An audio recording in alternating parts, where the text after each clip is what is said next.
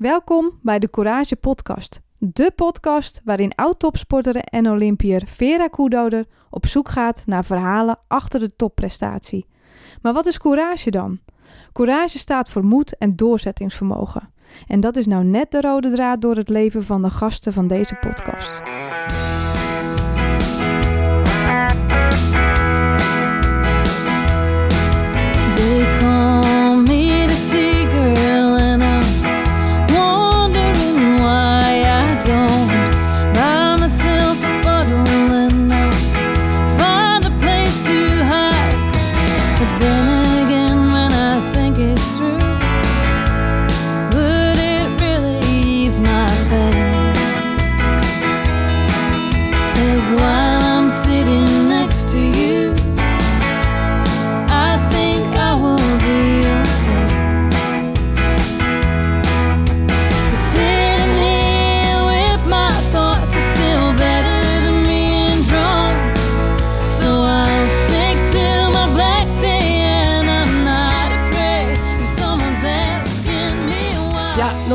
Altijd eh, welkom bij de Courage Podcast. En eh, we hebben nu de zestiende etappe alweer eh van de Courage Podcast.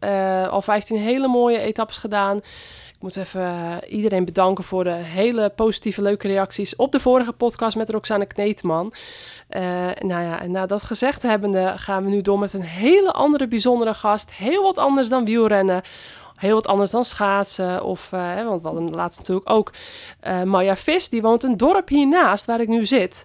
En nou ja, goed, ik ben net al welkom geheten door eh, Marianne Lichthart. Hallo, hallo. Welkom, maar ik ben bij jou te gast. Ja, In de- eigenlijk, eigenlijk moet ik jou welkom heten in onze mooie studio. Ja. Het is fantastisch hier. Eh, de flagship studio eh, ziet er super professioneel uit. Het is niet heel groot, wat het heel gezellig maakt. Eh, net dan een beetje mogen pingelen op jullie fantastische mooie Ja. vleugel eh, die hier achter me. En ja, hartstikke leuk eh, dat ik eh, hier mag zijn. Want ehm, nou ja, de voorgaande 15 etappen zijn vaak ook onderverdeeld in meerdere, in meerdere delen. Eh, dus inmiddels nou ja, zitten we al ja, ruim op, ik denk, 20 of 25 afleveringen ondertussen. Zo. Maar allemaal natuurlijk met jouw intro en outro muziek. En Ja. jij spreekt de, ja, jij hebt de podcast ook ingesproken. Dus eh, nou ja, eh, hoe mooi is het dat we dan nu de vrouw achter de muziek van de podcast eh, kunnen horen. Ehm, ja, en nog een paar verrassingen in deze podcast zometeen. dus nou ja, blijf zeker luisteren, want eh, ehm, ja, er wordt straks ook gezongen. Ehm, Ook nog. En, en wat gaan we nog niet verklappen? Nou ja, dus welkom. We zitten hier in Weidenes. Ja. En, ehm, het is nog net Weidenes, bijna Schellinghout. ja, eigenlijk voor ons zeggen wij altijd stiekem eh, dat wij ons veel eh, meer dicht bij horen voelen. Ja. Eigenlijk, want we zitten zo op het randje. Ja, Maar eh, ja, officieel heet het nog steeds Weidenes. ja. Weidenes. En in een hele nou, mooie boerderij woon, woon jij met, met je vriend Ernst. ja. En ehm, geboren en getogen in Venhuizen, nou, het dorp eh, hiernaast, eh, van 12 februari 1985. En eh, we zitten hier eigenlijk anderhalve maand later dan gepland, want ja, dat had een hele bijzondere mooie reden. Eh, we, we spraken elkaar even denken, ik denk een jaar geleden al.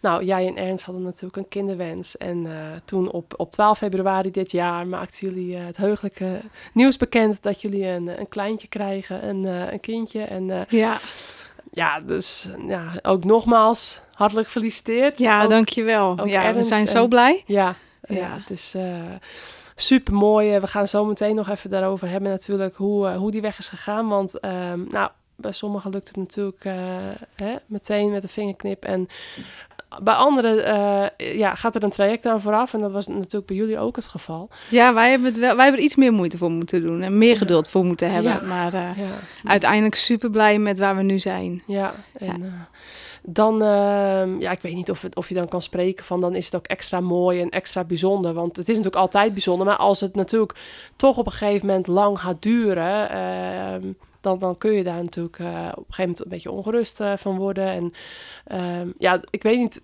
misschien is het wel extra bijzonder dan, hè? Dan eh, extra, dat je extra dankbaar bent dat het niet vanzelfsprekend is. Hè? Ik heb ook wel eens die realisatie hè, met mijn twee jongens van...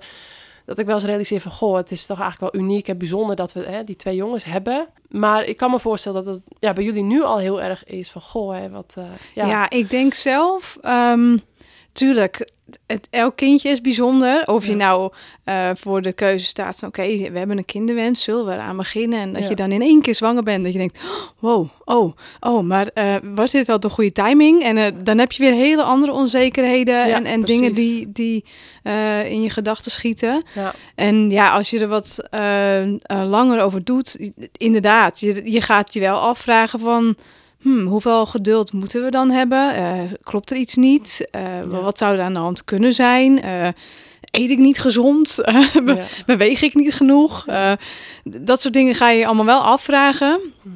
Ehm, maar mijn ervaring nu is eigenlijk ehm, dat als ik er naar terugkijk, dan kan ik wel zeggen dat ik heel veel steun heb gehad aan Ernst en andersom. Dus je helpt elkaar er echt doorheen. Het is wel pittig, Ja. want die hormo je gaat hormonen spuiten. Dat is eigenlijk gewoon simpelweg wat je echt moet doen. Ja.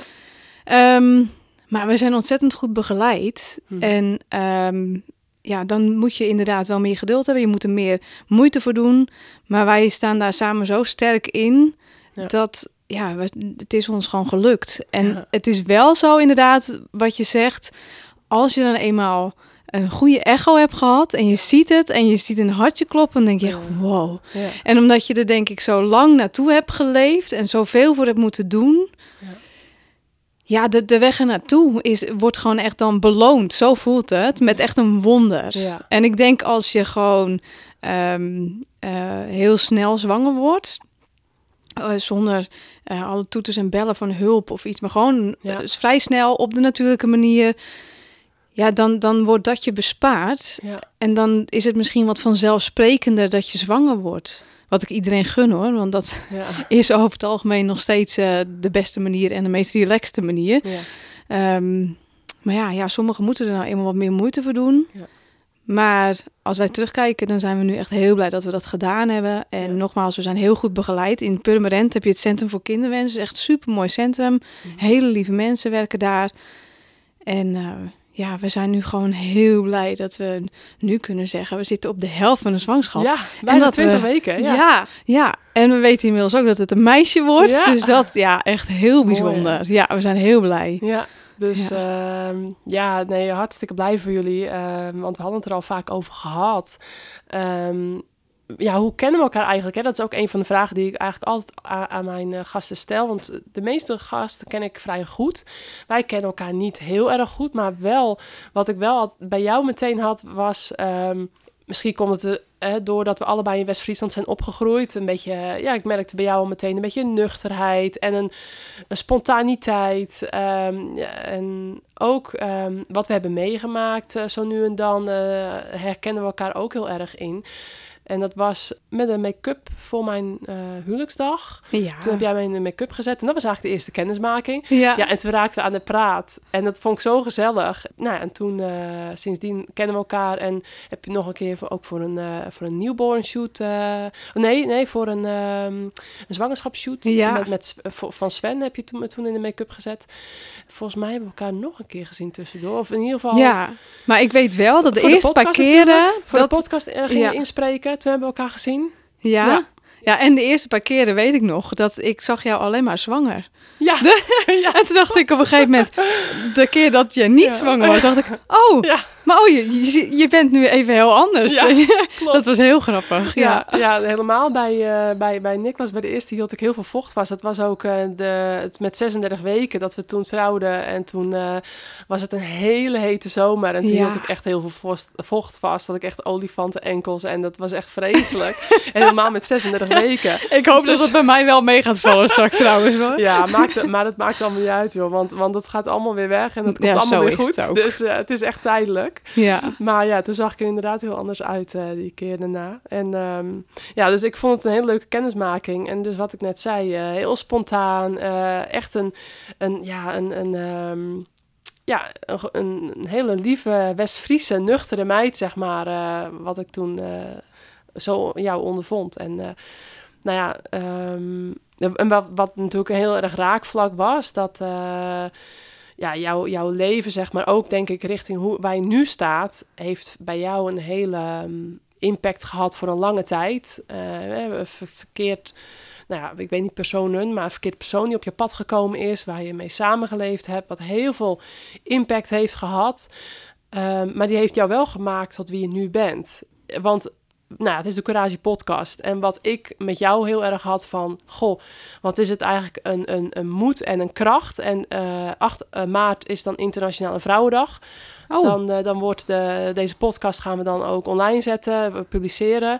We zitten er nu ongeveer anderhalve week voor. En ehm, ja, ik vind het wel echt een moment om dan op Internationale Vrouwendag de podcast met Marianne Lichthart eh, te publiceren. Omdat ik vond het zo sterk hoe jij nu als persoon in het leven staat. Hoe je, wat je mij vertelde, hè, eh, eh, ja, dat waren best heel persoonlijke verhalen. Die hang je niet aan de grote klok of zo. Nee. Dus dat was, eh, maar ik herkende me daar heel erg in. Omdat ik ook soms wel eens verkeerde mensen op mijn pad heb gekregen. En ook echt precies wist wat je bedoelde. En toen vond ik het zo, ehm, ja, ja, best wel aangrijpend hoe lang dat bij jou geduurd heeft. Wat bij mij relatief kort allemaal geduurd heeft. Dus ja, ik ben daar zelf ook heel sterk van geworden. En ik vond het heel leerzaam om eh, te ontdekken wat voor mensen er hier allemaal op aarde zijn. Hè? Dus dan heb je Ja. bepaalde stromingen van narcisten en weet ik wat allemaal. Eh, als je dan de narcist.nl of zo opzoekt en je ziet wat voor mensen er bestaan, daar had ik echt nou ja, voor mijn dertigste nooit van gehoord. En toen ik dat ontdekte, toen dacht ik, wow, ehm, jee, wa- wat, wat erg eigenlijk dat er zulke mensen bestaan, wa- wat ik zo lang niet wist, maar die toch ja, op mijn pad zijn gekomen. En eh, ik denk ook onze persoonlijkheden, die trekken dat soort mensen soms ook aan. Maar omdat we nu dan toch daar doorheen zijn gegaan en die mensen ja, nu meteen ook weten te herkennen, dan voor de rest van je leven heb je daar eigenlijk heel veel profijt van. Dus het is ja, op dat moment zeker. Heel ja. vervelend dat je soms dat soort mensen op je pad krijgt. Ehm, maar dat is dan toch in mijn ehm, idee toch een heel groot leerproces. Wat je nodig hebt om ja, toch jezelf weer eh, ja, om verder te komen in het leven. En dat vond ik toen ook heel sterk aan jou. Dat je na zo'n lange tijd ja, met de verkeerde persoon eigenlijk hebt samengeleefd. Die jou eh, niet eh, liet ontplooien, niet, liet, niet bloe- opbloeien. Ja, en dat je nu dus ja, wel iemand hebt hè, die jou helemaal ja, de Marianne Lichthart laat zijn wie ze wil Ja, zijn. zeker. En, en, en dat, dat vind ik dus wel echt heel erg mooi. En dat wordt dan zo ook eh, bezegeld. En ja, wat wil je daar verder over kwijt? Want ik vind dat echt een, een typisch vorm van courage, van moed, van eh, ja, doorzettingsvermogen. Omdat je je niet bij de pakken neer ging zitten. Hè? Want het, het, ja, het heeft gewoon heel veel impact op je leven. In, hè, in, in Ja, zeker. En ook de mensen om je heen. ja, precies. Ehm, want het is natuurlijk vaak iets wat, wat, je, eh, wat je net al zei, je hangt het niet aan de grote klok, je houdt Ja. het bij jezelf. Als je eh, in een wat langere periode eh, ja, soort van eh, vastzit, is dat ook gek genoeg de situatie wat je vertrouwt, waar je vertrouwd aan Raakt, raakt, zeg ja. maar. Ehm, dus ehm, als je andere mensen om je heen een leven ziet leiden en kinderen ziet krijgen en leuke dingen ziet doen en maar wat op dat moment eh, waar geen ruimte was eh, voor, voor mij, eh, zeg maar, Ja. op dat moment. Dan denk je, jeetje, wat doet iedereen leuke dingen. En oh, die zijn heel lief voor elkaar. En, maar als je een hele andere situatie gewend bent. Ja. En dat is wat je... Ik vind het altijd ehm, als voorbeeld...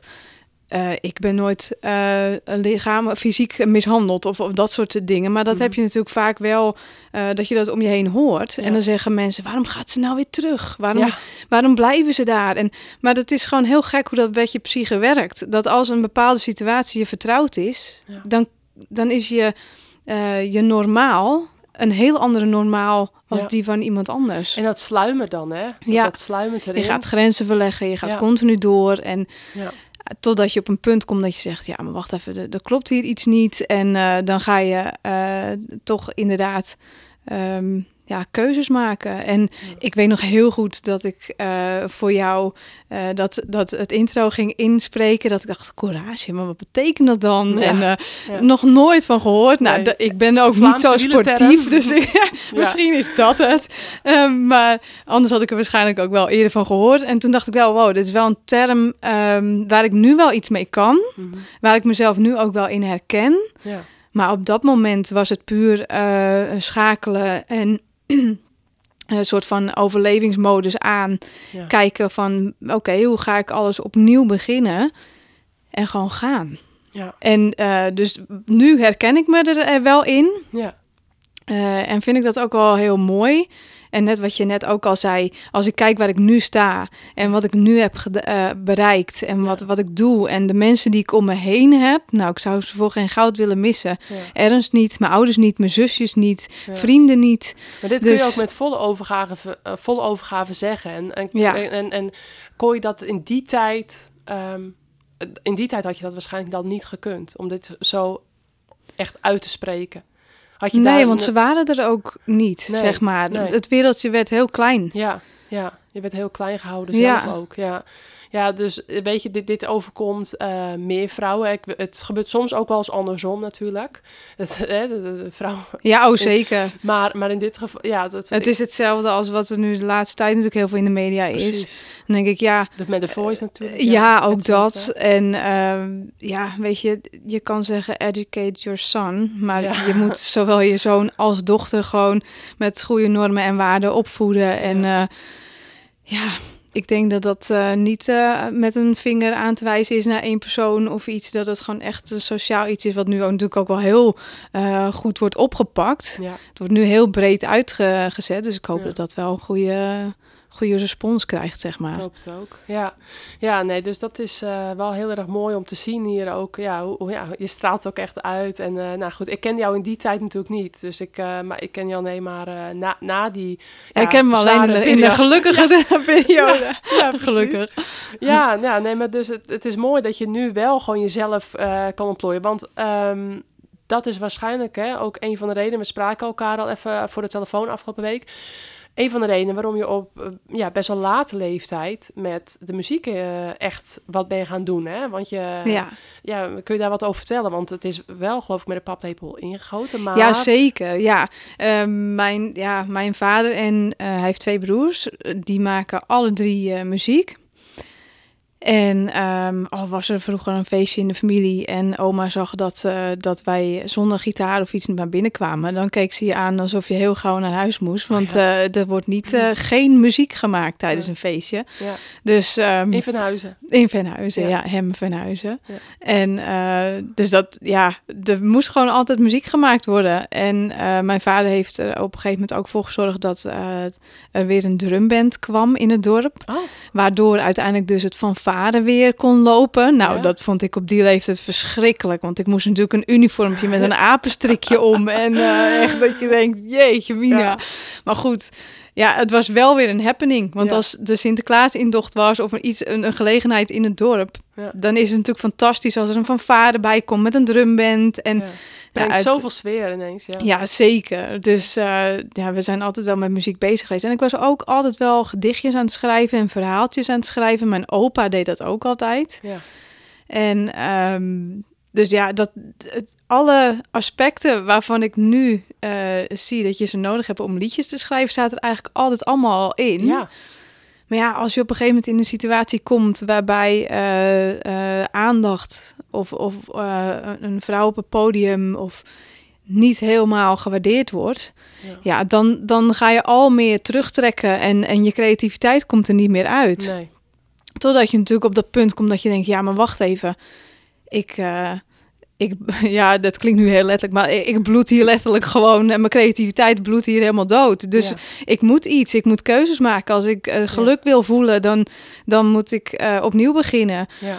In het diepe springen. In het diepe springen, Ja. nou, ik vond het doodeng. Ja, tuurlijk. Ja. Want- Na heel veel jaren natuurlijk. Precies. Ja. En ehm, mensen gaan natuurlijk vragen waarom. En dat wilde ik nooit zeggen. Nee.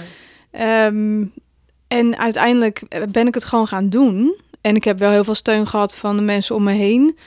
Ehm, en toen uiteindelijk weet ik nog dat ik... eh, nou, ik begon eh, al- eh, voor mezelf als bruidstyliste. Want Ja, zo hebben ja, wij ja, elkaar dus natuurlijk We ontmoet. hebben het nu over de muziek, maar Ja, je doet nog veel meer. Dus echt, ja. echt de powervrouw tot en met. ja, en we hebben natuurlijk eh, voor vandaag ook eh, Sven Reus eh, erbij. Ja, ja, ja. Want we gaan straks... Welkom eh, Sven ook. Dankjewel, We dankjewel. gaan Ja. straks even wat, wat muziek maken Ja, natuurlijk. Maar Ehm, maar hij is hier sowieso al vandaag, omdat we ook weer even gaan repeteren straks voor een bruiloft die we zaterdag hebben. En eh, dat is dan wel weer een heel mooi voorbeeld, want ik begin dan vaak ochtends met de styling van de bruid. Ja, Ik help haar in de jurk en alles wat erbij komt kijken.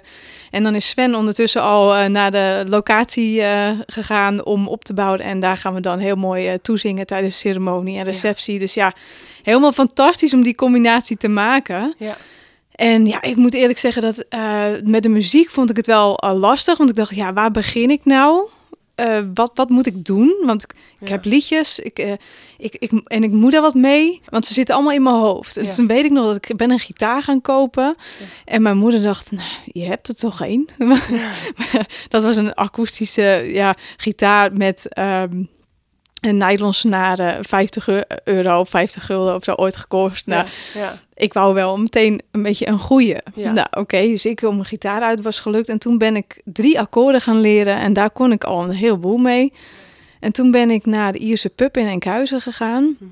En daar eh, speelde altijd mijn muziekleraar. Oh ja. Eh, van vroeger, van school, Menno Bruin. Ja, En toen zei ik, ja, ik heb gewoon wel het een en ander liggen, maar kunnen we er wat mee? Kan jij mij helpen? En hij zei, ja, dat kan ik zeker. Dus we zijn met een liedje een beetje gaan, gaan, ja, gaan klooien, zoals Ja. wij dat Ja. zeggen in de Westfries. En, ehm, maar we kwamen niet helemaal op het, op het resultaat uit wat we eigenlijk gewoon eh, wilden hebben. En toen zei hij, ik ken nog wel iemand en die kan ons vast wel helpen. En toen eh, kwam ik hier de, de deur binnenstappen in deze studio. Ja. Ja, uiteindelijk zo verliefd geworden en eh, zo eh, ehm, ja, verstrengeld geraakt in het... oh jee, we, we maken muziek, maar ik ben verliefd... en we moeten ook nog repeteren en Ja. spelen. En hoe ga ik dat doen? Terwijl Ja. ik ondertussen eigenlijk alleen maar denk... oh, wat ben ik verliefd. Ja. Maar eh, ja, Dat zei uiteindelijk... ook. Want toen kwam je me opmaken. Want de eerste keer dat je me op kon maken in 2018, Ja? eh, augustus 2018. Toen was je nog eh, volgens mij, ik weet niet, nou ja, toen was het nog maar heel pril of, of het was nog, ehm, of je was het gewoon nog alleen. En toen met Nick, met, met Sven, dat was dus, eh, wat was het, nou ja, ehm, in 2020, voorjaar 2020, met de zwangerschapsshoot. Of ergens in de zomer. Dus twee jaar later ongeveer, anderhalf jaar later, toen zei je echt van, oh, ik ben zo, ja, ik ben verliefd. en toen was je zo, nou, je, je, je Ja, verschrikkelijk je- vond ik het. echt op de roze wolk. Maar het neemt je helemaal over, hè? Ja, ja, En als je dan na zo'n lange tijd heel intens die verliefdheid voelt voor iemand, dat als je naar huis rijdt, dat je denkt, ja, maar ik wil eigenlijk niet naar huis rijden, ik wil eigenlijk daar blijven. ja. En Dat vriendinnen al zeiden, ja joh, wij hebben het al lang al door, dan en Ja. jij zelf nog niet. Je weet helemaal niet eens wat, wat, wat liefde is, dus Ja. je, je bent gewoon verliefd. Toen dacht ik, oh, dan heb ik wel een probleem. Want hoe, wat, ga je daarmee doen? Want we hebben een Mhm. hele leuke vriendschap. En het is ook echt Ja. vanuit daar ontstaan. Omdat je met elkaar muziek gaat schrijven. Je gaat verhalen delen. Je gaat muziek maken. En Ja. muziek, de, de, de- het proces van het maken van muziek... en uiteindelijk naar een plaat toe... ja, dat is best wel intiem. Ja, zeker. Er dus komt ja, heel veel gevoel bij kijken als je hè, een goed nummer, eh, een goed muzieknummer eh, heeft natuurlijk altijd heel veel gevoel in, in zich. Dus Ja. ja, dat, dat, dat, ja, als je dat samen ook, eh, ja, als je dan ook zo open moet stellen voor zo'n iemand, ja, dat, dat is automatisch natuurlijk best, ja. Wat je Nou, zegt, dat werd uiteindelijk dus opeens heel moeilijk. Omdat Ja. je opeens op alles ging letten wat Ja. je deed en zo. Maar goed, we zijn er eh, goed doorheen gekomen. En eh, zoals we net al verteld hebben, zitten we uiteindelijk nu ja, hier op deze plek in deze studio... waar ik me helemaal thuis voel.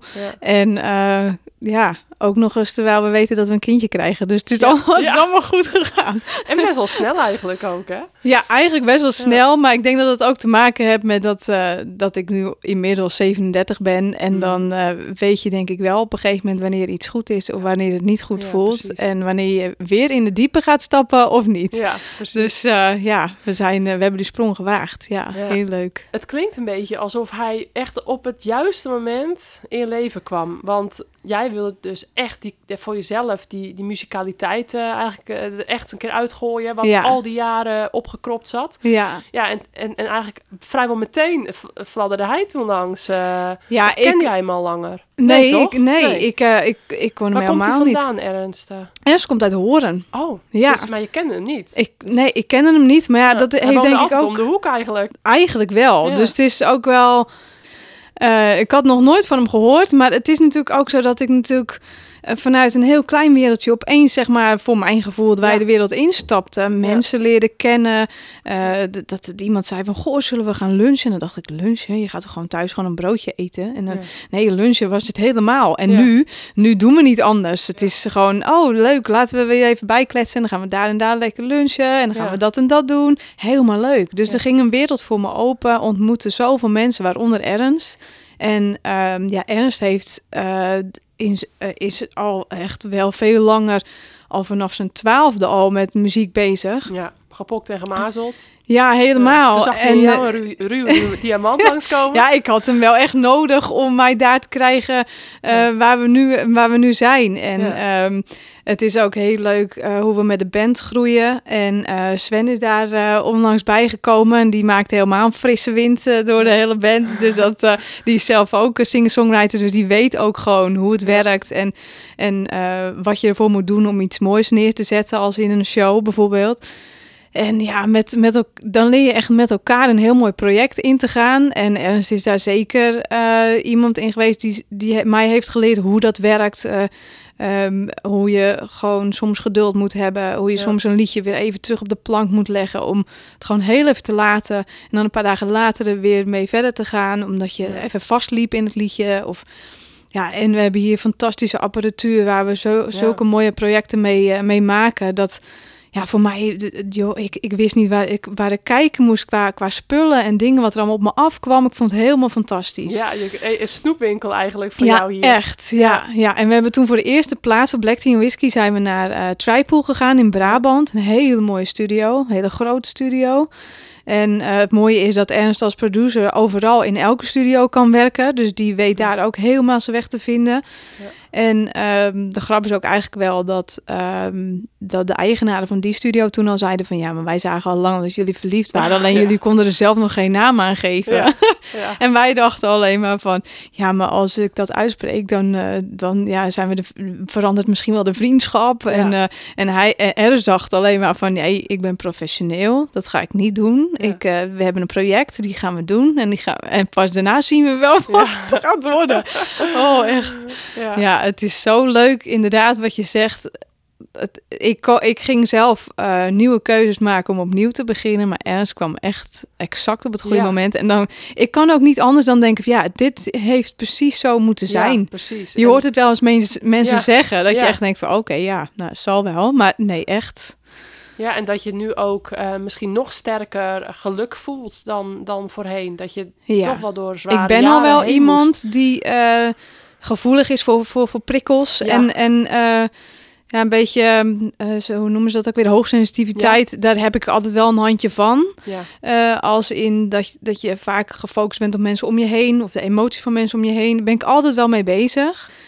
Dat is ook wel weer het karaktereigenschap waar andere mensen die geen minder empathie hebben ook heel Precies. goed op gaan natuurlijk. Ja, die trekken dat leeg. Die trekken dat leeg, inderdaad. Maar eh, dat ik Ernst ontmoette en eh, wij elkaar leren kennen. En ehm, ik tot de conclusie kwam dat je dus met iemand een hele mooie relatie op kan bouwen. eh, zonder dat iemand je tegenhoudt. Maar in plaats daarvan stimuleert en motiveert. En ook echt in alles helpt. Ja. Ja, joh, dat, dat, dat is soms zo intens dat ik dat af en toe, zelfs nu nog, kan me dat echt Ja. gewoon e- emotioneel maken. Omdat ik echt denk, jeetje, Mina, wat kan je lang gevoelens wegstoppen? Maar Ja. als je ze toelaat, Ja. dan zijn ze ineens heel intens en dan ben je ook echt intens gelukkig. Ja, super mooi. Ja. Ik, ik ben nu ook echt heel blij en heel gelukkig. Dus Ja. ja, je straalt het uit, dus dat is echt super mooi om te zien. En Ja. dat, dat, dat, dat verdien je ook gewoon. na ja, dat, dat verdien je dan uiteindelijk ook gewoon heel erg. En ik heb al, ook altijd zoiets van: eh, het, eh, mensen komt uiteindelijk wel toe wat ze toebehoort, zeg maar. Dus dat, zie, dat hoor ik in dit verhaal ook wel gewoon terug. Dat het, ja, als je het verdient, dan krijg je het, krijg je het ooit. En of het dan Ik geloof niet is, daar ook is wel in in. de toekomst wel. Als je goed doet, goed ontmoet. En maar ook als je ehm, Alleen het is wel belangrijk geweest, dus in jouw geval en ook in, in heel veel andere gevallen die, die ook zo, hè, gewoon gevoelige vrouwen die dan zo'n iemand op een pad krijgen, dat het niet te lang duurt en dat het niet, dat ze op een gegeven moment wel kunnen zeggen van stop en, en, en nu Ja. kies ik voor mezelf en nu ga ik die sprong in diepe maken en nu ga ik me er los van maken. Ik denk En als je wat ouder bent eh, en je hebt wat meer levenservaring, dat je dat dan ook makkelijker kan onderscheiden van elkaar. Ja, maar sommigen kunnen het nooit, hè? Sommigen Nee. blijven hun hele leven toch En die gewoon kan je kiezen voor het zeggen, ongelukkige. ja, en dat is gewoon heel triest. En Ja. dat is ook nu dat we dit dan hè, met Internationaal Vrouwendag, dan ja, hoop ik ook gewoon, misschien met jouw verhaal, dat het dan toch ook vrouwen zijn eh, die denken van, goh, nou, ik ga toch eens even naar mijn eigen situatie kijken. En ik ga toch eens kijken of ik echt gelukkig ben en echt hè, hoe mijn partner met me omgaat. En is het eigenlijk wel normaal? En soms dan, eh, ik ken ook mensen, dan vertelden de, de ouders of, of men, naasten, eh, familie, die vertellen het aan diegene. En dan wijven ze het steeds weg. En dan jaren later, ja, dan komen ze, zien ze het zelf pas in. Ja. Dus het is, het is wel belangrijk hè, dat, het, dat je op een gegeven moment toch ja, hè, echt die ogen Nou, ik opent. denk dat je eh, vooral voor jezelf ehm, eh, op een gegeven moment, ja, je moet jezelf echt voor de spiegel zetten. Ja. En je moet echt kunnen zeggen, heb ik er alles aan gedaan om mezelf gelukkig te maken? Ehm, of mag ik keuzes maken? En dan is het Ja. nooit te laat. Nee, zeker. Maar ik weet wel dat als je eenmaal die keuzes maakt en je neemt die sprong in het diepe, Ja. dan moet je je wel gaan beseffen dat je echt wel een paar jaar onderweg bent voor het eh, on- opnieuw, eh, ontdekken van, van Jezelf hoe een normaal leven er eigenlijk uitziet. En, en hoe, eh, hoe het is als iemand je liefde geeft en dat je dat ook terug kan geven. En dat je dat ook ontvangen mag. En ja, dan moet je wel weer even je nieuwe normaal gaan ontwikkelen. En dat kost echt wel tijd. Ja. Dus eigenlijk eh, wil ik daar denk ik mee zeggen dat als je het gevoel hebt dat je in een situatie zit wat je leegtrekt en dat je mensen om je heen hebt die je niet motiveren, maar alleen maar ongelukkig maken, dat je zo snel mogelijk eigenlijk gewoon weg moet. Ja, ja, maar dat zeg je nu zo snel mogelijk. En dat, dat kunnen dan weldenkende mensen ook hè, om, om diegene heen ook zien. Maar dat is, dat is dus het moeilijke. Eh, zo Het is ook het moeilijke. En Dus dan hebben is, wij het eh, nu alleen nog maar over eh, wat je gevoel je ingeeft Ja, en wa- wat je denkt. Maar dan heb je het nog niet eens over of je dat financieel, of het Ja. wel haalbaar is. ja, Of je een plek hebt met mensen waar je naartoe kan. Precies. Om, om tijdelijk even weer opnieuw eh, op start. Hoe zeg je dat? Om weer opnieuw op te starten. ja, Heb je wel weer een basis nodig waar je even op terug kan vallen. ja, Dat had ik allemaal. precies. Dat dus scheelt een dat is hoop. wel, ja, zeker. En, maar ik kan me voorstellen als je ehm, ja, een, een hypotheek hebt, je bent getrouwd, je hebt, je hebt allemaal dingen dat je denkt, ja, hoe ga ik dit allemaal doen? Ja, Weggaan is stap 1, maar dan moet Ja. het allemaal nog afgesloten worden. Ook het is gewoon wel lastig, Ja. maar het is het wel waard. het is het zeker waard. Ja. Mooi ehm, verhaal eh, dat je en ja ook mooi dat je daar zo open over eh, kan praten nu eh, tegenwoordig en eh, wat, wat nog een beetje in mijn achterhoofd zit van want je, je zei net hoe je was begonnen in dat cafeetje in Enkhuizen Ja. maar, maar dat was dus de eerste stap op weg naar waar je nu staat hè een prachtig album redesigning gaan we het zo nog over hebben Ja, maar, ehm, eh, want er zijn mensen geweest die hebben jou daar horen zingen. En die zeiden van, wauw, dit, hè, hier willen meer van horen. Dit is goed, dit is leuk. En hoe is dat toen een beetje in zijn werk gegaan? Dus jij had avondjes of middagen in Enkhuizen in dat café staan zingen. Dat had je nog nooit eerder gedaan. Nee, niet op die manier. Dus nee. het was eigenlijk ook heel Los van de familiefeestjes Ja. was dat het eigenlijk wel, ja.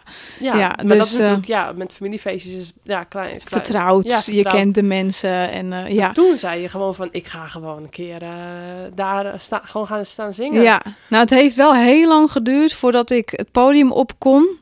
Mhm. Zonder dat ik een stem in mijn achterhoofd eh, had dat zei eh, van eh, dit is aandachttrekkerij. Ja. Of jij hebt bewijsdrang om op een podium te gaan. Je, je vindt die aandacht prettig. Of Ja. toen dacht ik ja, nee, dat is echt wel iemand die je dat soort van aangepraat heeft. Precies. En het is vooral Ernst die op een gegeven moment tegen mij zei van... ja, maar en dan nog? Wat als bewijsdrang is dat je op een podium gaat? Is dat eh, erg? Dacht ik, nou, nee. Maar ik voelde het nooit als bewijsdrang. Ik had heel erg de behoefte om de liedjes die ik schreef... ehm, ja, te vertalen in muziek. Ja. En ehm, via muziek is het veel leuker en veel mooier om te doen dan dat je tegen iemand zegt: Nou, ik wil jou wat vertellen. ja. en dat je Ja. gewoon even een verhaal gaat vertellen. Ja. Nee, ja, op muziek, eh, mensen kunnen er altijd stukjes uithalen waar je, waar je mee kan verbinden met mensen. En ehm, ook in die Ierse pub eh, ontstond een hele huiselijke sfeer met elke avond weer andere mensen, verschillende nationaliteiten. Dus het was altijd heel, heel gezellig en... eh, ja, ik drink zelf niet. Dus ik had altijd alles door wat er allemaal gebeurde. En ik bleef altijd gewoon lekker scherp. Terwijl iedereen lekker gezellig met een biertje langzaam al dronken we- werd. En des te dronken hun werden, des te meer ik durfde te, te Ja, zingen. precies. Toen dacht je, als ik een fout maak, maakt het toch niet uit. Het komt toch niet bij ze binnen. Precies. En zo, ja, het klinkt heel stom, maar zo heb ik het wel een beetje geleerd. Ik ging gewoon kijken, oké, nu zijn ze dronken genoeg. nu, nu, kan het. Ja. Ja. en toen ging ik echt gewoon heel simpel, eh, met simpele akkoorden, gewoon af en toe een liedje spelen. En de Ja. mensen vonden het fantastisch. En toen dacht ik, wat leuk. en dit is heel leuk. Kijk, nu heb ik natuurlijk Sven eh, meegenomen. Ja. Dus die eh, kan veel mooier gitaar spelen dan dat ik dat kan. Dus dat Mhm. gaan jullie straks horen. Maar ja, ik, eh, zo heb ik het wel echt geleerd. Ja. En dat was echt, als ik daaraan terug denk, dan... Ja, ik moest wel heel wat drempeltjes over. Maar het was bij mij wel heel snel dat als ik die drempel over was, dan Ja. ging ik ook. Ja, nou, dat, dat- is dus echt de Courage podcast, dus waar we het nu over hebben. Hè? Dus Ja. Dat is doorzettingsvermogen, moeten hebben om dat te durven en te doen. Er zijn zoveel vrouwen die dan toch, dan toch het niet, niet durven of niet doen. Dus dat vind ik gewoon heel mooi aan jou, dat je eh, ja, die, die hele weg hebt bewandeld. En hoe je dit nu vertelt, ja, daar krijg ik echt kippenvel van. vind ik echt mooi. Ja, weet je, je hebt met sport is emotie, maar muziek is ook emotie. Ja, En ja. dat vind ik gewoon heel mooi, weet je. Als je ja, die gevoeligheid durft te tonen en, en die moet er eh, gewoon... Ja, het kan dus op allerlei gebieden zijn. En ja, ik ben natuurlijk ook zelf muziekliefhebber, dus... eh ja, ik heb Ja. jou net piano horen Oh, spelen. nou, hou op, hou op. Daar gaan we het niet over hebben. Nou, ik vond het zeker niet slecht. Ik kan dat niet nadoen hoor. Ik houd bij het zingen en de melodietjes. eh. Ja, ja, ik vind het leuk als hobby. Ja, Ja, het, is- leuk. Het is, het is gewoon, eh, ik raad het iedereen aan om het gewoon als hobby te doen. En eh, ja, maar goed, als je dus zoals jij talent hebt, moet je er uiteraard meer mee doen. Maar het is voor iedereen goed om te doen. Net als dat bewegen en sporten echt hè, voor, voor iedereen essentieel is. Denk ik echt dat muziek ook gewoon bij iedereen op een, in een bepaalde mate gewoon bij het leven hoort. En dan de ene meer dan de ander. Hè. De ene kan echt de hele dag muziek maken. Ik zelf zou daar echt murf van worden als ik soms wel eens uren achter elkaar dan piano had gespeeld. Dan was ik echt helemaal mee aan. Ja, en dat, dat gaat dus niet als het professioneel wil doen. Hè. Dus, eh, maar als ik vroeger dan moest oefenen voor mijn pianolesje, ja, dan, dan ging ik toch liever sporten. dus het, het moet ook echt in je DNA zitten. Het Ja. moet echt iets zijn wat je de hele dag wil doen. Wil je goed worden, want van niks komt niks. Dat is in topsport en dat is in de muziekindustrie natuurlijk. Ja. Dus maar gewoon op, hè, het, net als sporten kan ook recreatief en het kan ook gewoon heel veel brengen. En eh, ja, en ik denk. nou, muziek- misschien zou ik dat ook wel iets meer moeten doen hoor. Nou, Iets meer sporten.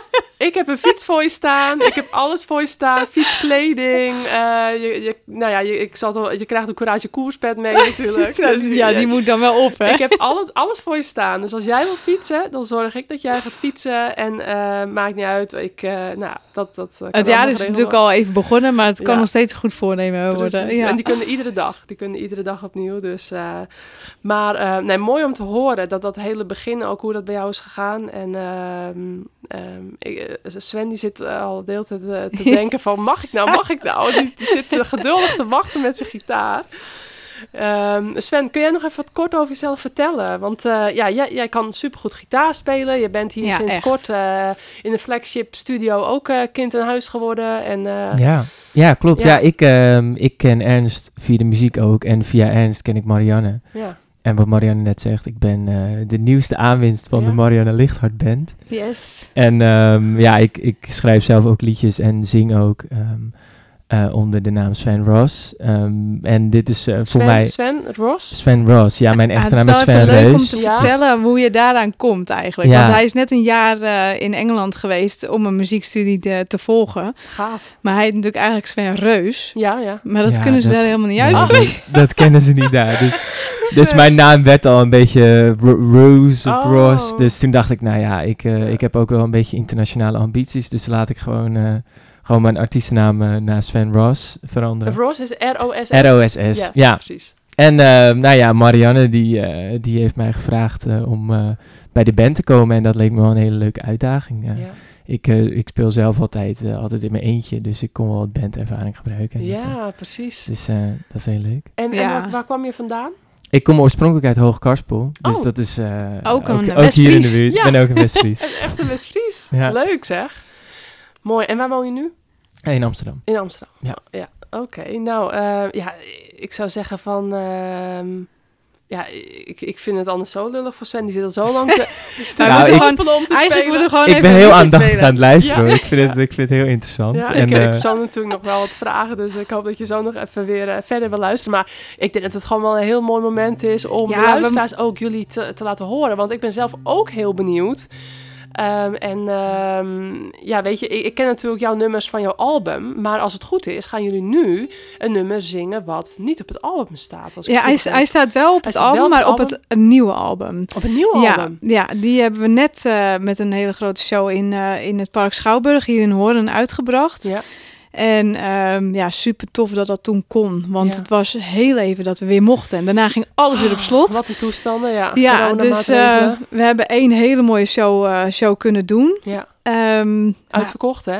Uitverkocht. Ja. Ja. Ja, heel gaaf hoor. Ja. Daar zijn we echt heel blij mee. En ik moet ook eerlijk zeggen dat met eh, Sven is echt een aanwinst. En we hebben ook een cello en een viool. En Gaaf. Ernst doet mee als drummer en dat is ook echt een showmaker. Dus Ja. eh, mensen hebben ontzettend genoten van een hele mooie show. Ja. En we wilden dat heel graag doorzetten. Maar ja, dat gaat gewoon nog. Op dit moment ging dat nog heel lastig. Maar eh, we gaan nu echt wel uitkijken naar een heel mooi najaar. En daar willen we diezelfde show weer opnieuw gaan oppakken. En weer even veranderen natuurlijk. En Ja. dan kijken we gewoon met z'n allen gewoon heel graag uit naar een heel mooi najaar. Ja. Want eh, ja, de zomer is meestal nooit echt een periode om te spelen vanwege de festivals en zo. Mhm.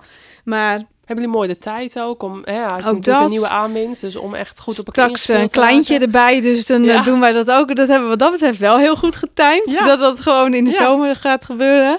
Ehm, dus ja, we kijken gewoon echt heel erg uit naar het najaar. En in de tussentijd eh, gaan Sven en ik eh, ja, de ontzettend mooie bruiloftsceremonies aankleden met muziek. Want dat is ook ontzettend leuk om te doen. Ja, Maar eh, het liedje wat we nu gaan, eh, gaan spelen is Blue Eyed Blackbird. Ja. En hij staat dus niet op Black Tea Whiskey, maar op het nieuwste album. ja, En eh, het is een liedje wat ik heb geschreven voor ehm, eigenlijk mijn nichtje. Want die zijn altijd wel een inspiratiebron, net als Josephine op het album Black Tea Whiskey. ja. Maar we hebben nu weer een nieuw, ja, mijn jongste nichtje, dat het is echt, het is een doerak, joh. En hij, die, nou, zij klauwt het echt eh, op, op glijbanen al dat ze nog net kon, kon lopen. En het echt Ja. een eigenwijs koppie dat je echt denkt, ja, ik moet nu streng zijn, maar het gaat je gewoon niet Ja. lukken, weet je wel. Zo eentje is het. Mhm. En eh, wil altijd lekker buiten spelen en buiten zijn. En eh, ja, ik, ik ben helemaal, ik ben op allemaal ben ik even gek natuurlijk. Maar ja, zij heet Merel, heeft ontzettend blauwe ogen. Oh, mooi. En vandaar dus letterlijk eigenlijk vertaald Blue-Eyed Blackbird. Oh, ja. Dus eh, zullen we die doen? Wat mooi. Ja, is goed. Nou, dan kondig ik jullie even aan, beste mensen. Eh, nou, hier zijn Marianne Lichthart en eh, Sven Reus met Blue Eyed Blackbirds. En die komt dan op het nieuwste album Ja. van Redesigning te staan. Is Dus- nu te luisteren op Spotify. Ook. Oh, ook al. ja, leuk. ook al. Mooi.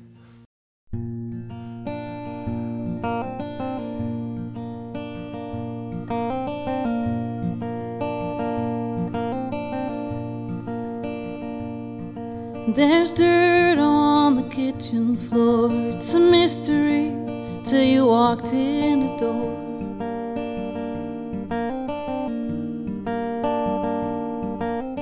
Covered in dirt, hair filled with sand. It's clear you gave your daddy a hand in the garden. For a moment you went out of sight to see if the apples tasted right, and I found a hole in every apple. You looked at me with a sour smile. The apples had to grow a little longer.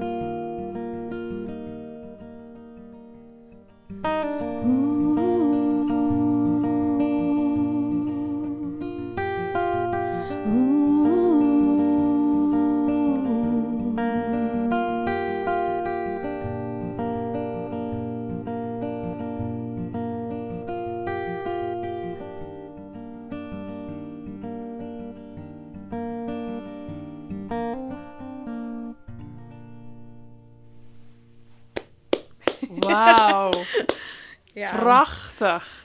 Ik vind hem ook elke keer als we hem nu weer spelen. We spelen natuurlijk nu niet zo vaak als dat we Ja. normaal gesproken gewend zijn. Dan denk ik, oh ja, ik heb weer zo zin om, eh, om wat te doen. Weer nieuwe liedjes schrijven en weer eh, op te treden. Maar nog heel even geduld. Prachtig nummer. Blue Eyed Blackbirds. En vol Merel. Ja, voor Ja. Merel. Ja, het, ik dacht, dit liedje is wel toepasselijk voor... eh, ook met het idee dat wij een kleintje krijgen nu. Ja. En eh, Ja. dat ik eigenlijk toch wel stiekem hoop dat die net zo eigenwijs wordt als zij. Want het is toch wel heel leuk. ja. Dus, ik wist het eh, trouwens helemaal niet dat het voor, voor Merel was. Maar nu, Nee? nu maakt die titel ook ineens wel heel veel... En nu opeens is het logisch. Ja, ja, het is ja, echt ja. letterlijk vertaald inderdaad. Ja. En kent Ja. Sven Merel ook? Jouw nichtje komt ze hier wel eens langs? Nee, ze is echt eh, nu net eh, drie. Nee, nee, dat is het alweer. Ja, meestal kijk ik Ernst aan, want die onthoudt Ja. het allemaal. Het is ook echt, die heeft een eh, hele leuke band met al mijn neefjes en nichtjes. Ja. Ehm, dus ik denk dat ze nu 2,5 is. Oh ja. Dus ze is echt nog heel klein. Ja, ze Ja. komt hier wel hoor, regelmatig. Maar Ja. niet op momenten dat jij hier ook bent ik heb wel eens wat, wat nichtjes van jou zien lopen, maar dat zal dan... eh ja, Oh, ja. Josephine heb ik wel Ja, gezien, volgens Josephine wel, ja. ja. Ja. Josephine, Mout en Merel. En dan hebben we nog één jongetje. We Oh ja. hadden natuurlijk stiekem gewoon, als dit weer een jongetje is. Want ja, Ja. tenminste, wij, het maakte ons natuurlijk niet uit. Maar eh, het- mijn neefjes en nichtjes zeiden van, ja, maar anders is Benjamin zo alleen. Oh ja, ja, dat krijg je dan, hè? Maar ja, hij zei, nee hoor, ik wil wel dat het een meisje wordt. Dus nou, dan Oh. krijgt hij toch nog zijn zin. Dan blijft hij een beetje uniek, hè? Ja, Ja. dat is zeker waar. Precies. Dus eh, oh, helemaal leuk. Album ja. 3 een liedje voor hem. Ja, nou, in- ja, eigenlijk zouden we dat wel moeten doen, ja. Ja, Ja. anders blijft die, eh, ja, de, de, de one and only man wordt er dan. De one and only man Ben. Benjamin. Ja, superleuk. Precies, ja. Je hebt de titel al klaar. Ja, ja. Nou, ja, ze inspireerden me zeker. En eh, ik weet nog wel dat eh, ik vrijgezel was. En Ja. eh, was het, oh, tante Mar, oh, leuk. Ja. En nu is tegenwoordig, als ik als eerste binnenkom, dan word ik meteen gewoon keihard genegeerd. En dan wordt er achter mij om langs gekeken. Waar is oma Ernst? En, oh. ja, maar hallo, ga je Ja. zeggen, ik ben er ook. Ja. Zeg eerst even mijn gedag. ja. En dan moet ik vertellen dat oma Ernst aan het werk is. Nou, dan zijn ze zwaar teleurgesteld. dat is superleuk. ja, dus dat zit allemaal wel gebakken. Ja hoor, ja, echt. Maar echt super mooi live gespeeld was dit gewoon. Hè? Het is niet opgenomen. Dit, ik, maar ik vond het gewoon klinken alsof ik een album aan het afspelen was. Hè, gewoon een nummer aan het afspelen was. Maar het was nu gewoon echt live voor mijn neus. Ja. Dus ik heb het ook even een Nou, filmpje, thanks. gemaakt, een filmpje gemaakt als bewijs. ja, ja, dan staat het Eh, erop. dat we gewoon midden in de podcast, eh, ja, dus ja, dat is echt van, ja, kwaliteit van de hoogste plank, vind ik. Ehm, Dankjewel. En eh, ja, echt nogmaals mijn complimenten. En ook Sven natuurlijk. eh, Dankjewel. ja, mooi ook met gevoel eh, gespeeld, vond ik. En eh, ja, want een van mijn vragen vooraf wat ik had eh, bedacht, was ook van, waar haal jij je inspiratie uit? Maar goed, dat heb je net al gedeeltelijk verteld. Ja, ja, en ook Josephine, echt... eh, hè, heb je ja. het ook opgenoemd. ja, Ehm, ik heb ook een interview van jou gelezen eh, dat ook jouw oma eh, heeft een liedje gekregen. Ja. Dus dat ja. vond ik ook heel Ja, leuk. het was ook wel echt heel bijzonder dat we die show 5 november konden doen toen de tijd. Want mijn oma was er ook bij. Nou, Ja. de rest van de dag Mm. en de dag daarna was ze hartstikke moe. Want ze is gewoon echt al wat ouder. Maar Ja. zij vond het ontzettend leuk om erbij te zijn. En ze zei ook echt, ja, hier moest ik gewoon bij zijn. En ehm, nou heb je ehm natuurlijk vaker dat ze alles via cd'tjes hoort. En ze heeft ook Instagram en Spotify op Zo. haar 88ste. Dus ze houdt alles bij. ja, Geweldig. maar het is natuurlijk heel anders als dat je gewoon iets hoort of dat je ergens live bij bent en Ja. dat wij dan eh, met, met elkaar echt gewoon die interactie op het podium ook hebben. ja. Maar zij was er ook bij, dus ze konden ook tijdens de show zeggen van wat, waarom ik op het liedje Die Old Lady kwam. Ja. Eh, Mm. Want ja, mijn oma die woont in eh, een gebouw, een aanleunwoning van het verzorgingshuis. Maar ja, des te ouder je wordt, des te ja, meer mensen om je heen. Dat je denkt, oh, die heeft dat en die Ja. heeft dat en die heeft, eh, die gaat morgen op vakantie. En oh, de buren die gaan ook weer even in de tuin aan het werk. Weet je, alles wordt in de gaten gehouden. En eh, dat vond ik zo grappig om eh, als soort van toeziend oog houdt ze de hele buurt en iedereen in de gaten. En ze is altijd positief. Ja. En eh, ze kwam laatst met hele lieve sokjes en een mutsje wat ze gebreden had voor ons kleintje. En toen zegt ze, ja, ja, ik wist even niet meer hoe het moest, maar ik heb gewoon even op YouTube gekeken. zeg ik dat goed? Ja. Want ja, toen wist ik weer even hoe het moest. Nou Oh, ja. dat vind ik helemaal fantastisch. Dus ja, wat een kwieke oma nog. ja, Gaaf. zeker. Ja, ik heb een hele goede band met mijn oma. Ik zie haar elke week. Dus het is echt, eh, zij moest een liedje krijgen. En natuurlijk is dit een liedje met veel fantasie en eh, metaforisch geschreven. Ja. Maar de, de basis is dat het, eh, eh, die old lady houdt toezicht over de buurt. En, en zorgt dat iedereen verbonden blijft. En dat is zeg maar gewoon de boodschap van het liedje. Ja. En ehm, ja, het, het liedje bijvoorbeeld eh, Maybe Tomorrow was een liedje dat ik had geschreven. Omdat ik echt dacht, jeetje Mina, we- er wordt zoveel van onszelf gevraagd. We Ja. willen van alles. We willen vaak ook te veel. Ja. Ehm, ik herken me daar zelf heel erg in. Want op het moment dat je weer ontdekt hoe leuk de wereld is, dan wil je alles tegelijk. Ja. En dan raak je ook zwaar overprikkeld van veel te leuke dingen. ja. Eh, dus waarom niet dat wat vandaag niet kan, kan morgen ook. En ehm, Ja. Ehm, wat had ik nog? Ja, het is zeg maar alles wat, wat me inspireert, wat me motiveert. Daar schrijf ik om en het kan over en het kan echt van alles zijn. Ja. Of het nou een persoonlijk verhaal is, of je eigen ervaringen die je deelt, of, eh, of een nichtje of een neefje. Ja. Of het feit dat we nu zelf zwanger zijn, ja. Ja. daar ben ik natuurlijk ook lekker op aan het letterlijk op liedjes aan het broeden. Ja. Dus dat eh, kijk ik ook heel erg naar uit. En eh, ik ben laatst met Ernst ook samen met z'n tweeën zijn we de studio ingegaan. Ja. En eh, toen zeiden we ook gewoon van nou, we hebben alle apparatuur en we doen het gewoon rustig aan. Want ik zeg altijd van, ik ben, mijn sterke punt is melodieën horen en Ja. de teksten schrijven. Eh, en ik, ik ken wel wat akkoorden op gitaar en piano, maar ja, ik, ik ben gewoon best wel een beetje lui. Want als je gitaristen zoals Sven in je band hebt, Ja. Ja, dan laat je die drie akkoorden wel achterwege. want dan pakken we het wel op en dan maken ze het zoveel mooier. Ja. En dan begint een liedje echt te leven. Ja. Maar laatst eh, ben ik dus met Ernst alleen in de studio gegaan en hebben we samen een demo gemaakt voor een liedje. Dat ik echt dacht van ja, dit wordt helemaal te gek. Ja. We dachten zelf nog, nou, geboortekaartje, nee hoor, we maken gewoon een EP'tje. maar dat, dat wordt alweer heel veel werk. En vinyl is tegenwoordig wel een hele lange leeftijd, ook door eh. COVID en zo. Ja. Maar eh, nou, we, zijn, we blijven lekker fantaseren en dromen en liedjes schrijven. En eh, Ja. Ja, Ja. Want, want ik sprak jou nog even natuurlijk voor de podcast. En toen zei dat toen jullie nog niet zwanger waren, toen had je al wel wat geschreven. ja, ja. Wat je dus misschien in de toekomst ook wil publiceren. Maar dat laten we nog even Ja, in het begin dachten we van ja, liedjes zijn soms zo persoonlijk. Ja. En ehm, sommige liedjes, dan zeg je ook, nou, dat schrijf je gewoon voor, voor, eh, voor jezelf, zeg maar. Ja. Maar soms wordt een liedje dan zo mooi dat je denkt, hmm, ja, ik wil het eigenlijk wel delen. Ja. Ja, en of we dat gaan doen en hoe we dat gaan doen, dat, dat zien we natuurlijk later wel. Want we, ja, één liedje uitbrengen, dat, dat zou dan maar een één, één onderdeeltje van een heel eh, veel uitgebreider verhaal zijn. Ja. Dus ik vind het wel altijd mooi als je gewoon meerdere liedjes uit kan brengen, wat samen wel een beetje bij elkaar ja, past. ik snap het. En dat liedje heb ik toen wel echt geschreven dat ik dacht van ja, eh, als je dus een, wen, een kinderwens hebt, maar je moet wat meer geduld hebben dan een ander, Ja. Ehm, dat je dan eh, een liedje schrijft met. ehm, eh, ja, dat je wel alvast kan bedenken van... Goh, als we dan een kindje krijgen, hoe gaat het eruit zien? En Ja. eh, voel je je welkom bij ons? En iemand vertelde mij, en zo had ik het zelf nog nooit bekeken... Het is natuurlijk, eh, ja, ben je een beetje spiritueel van jezelf of niet, weet je wel? Dat Mhm. is natuurlijk voor, iedere, eh, voor iedereen anders. En zij vertelde toen, maar ja, ik heb echt het gevoel, het komt helemaal goed, maar je moet wat geduld hebben. Mhm. Maar het kindje kiest jullie. ja, En toen dacht ik, hm?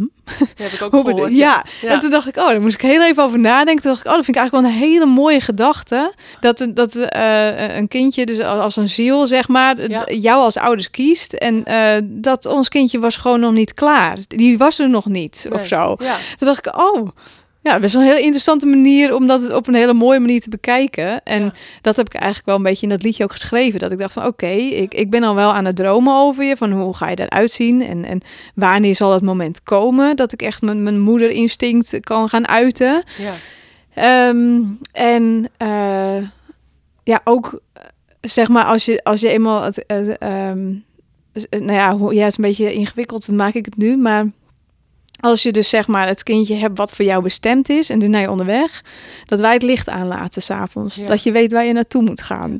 Ja, dat zijn natuurlijk allemaal metaforische ehm, eh, zinnen en, en gedachten, Ja, wat je heel vind mooi in een liedje kan vertalen. En ja. ja, ik hoop uiteindelijk wel dat als we daar wel echt iets mee gaan doen, dat je dan iemand anders die net zoveel geduld moet hebben, of misschien nog wel langer. Hè? Want wat, eh, je kan soms je verhalen van mensen die wel tien jaar hebben moeten wachten Ja. en alles hebben opgegeven. En dan opeens zijn ze toch nog zwanger. Ja, Ja. dat vind ik altijd de mooiste verhalen.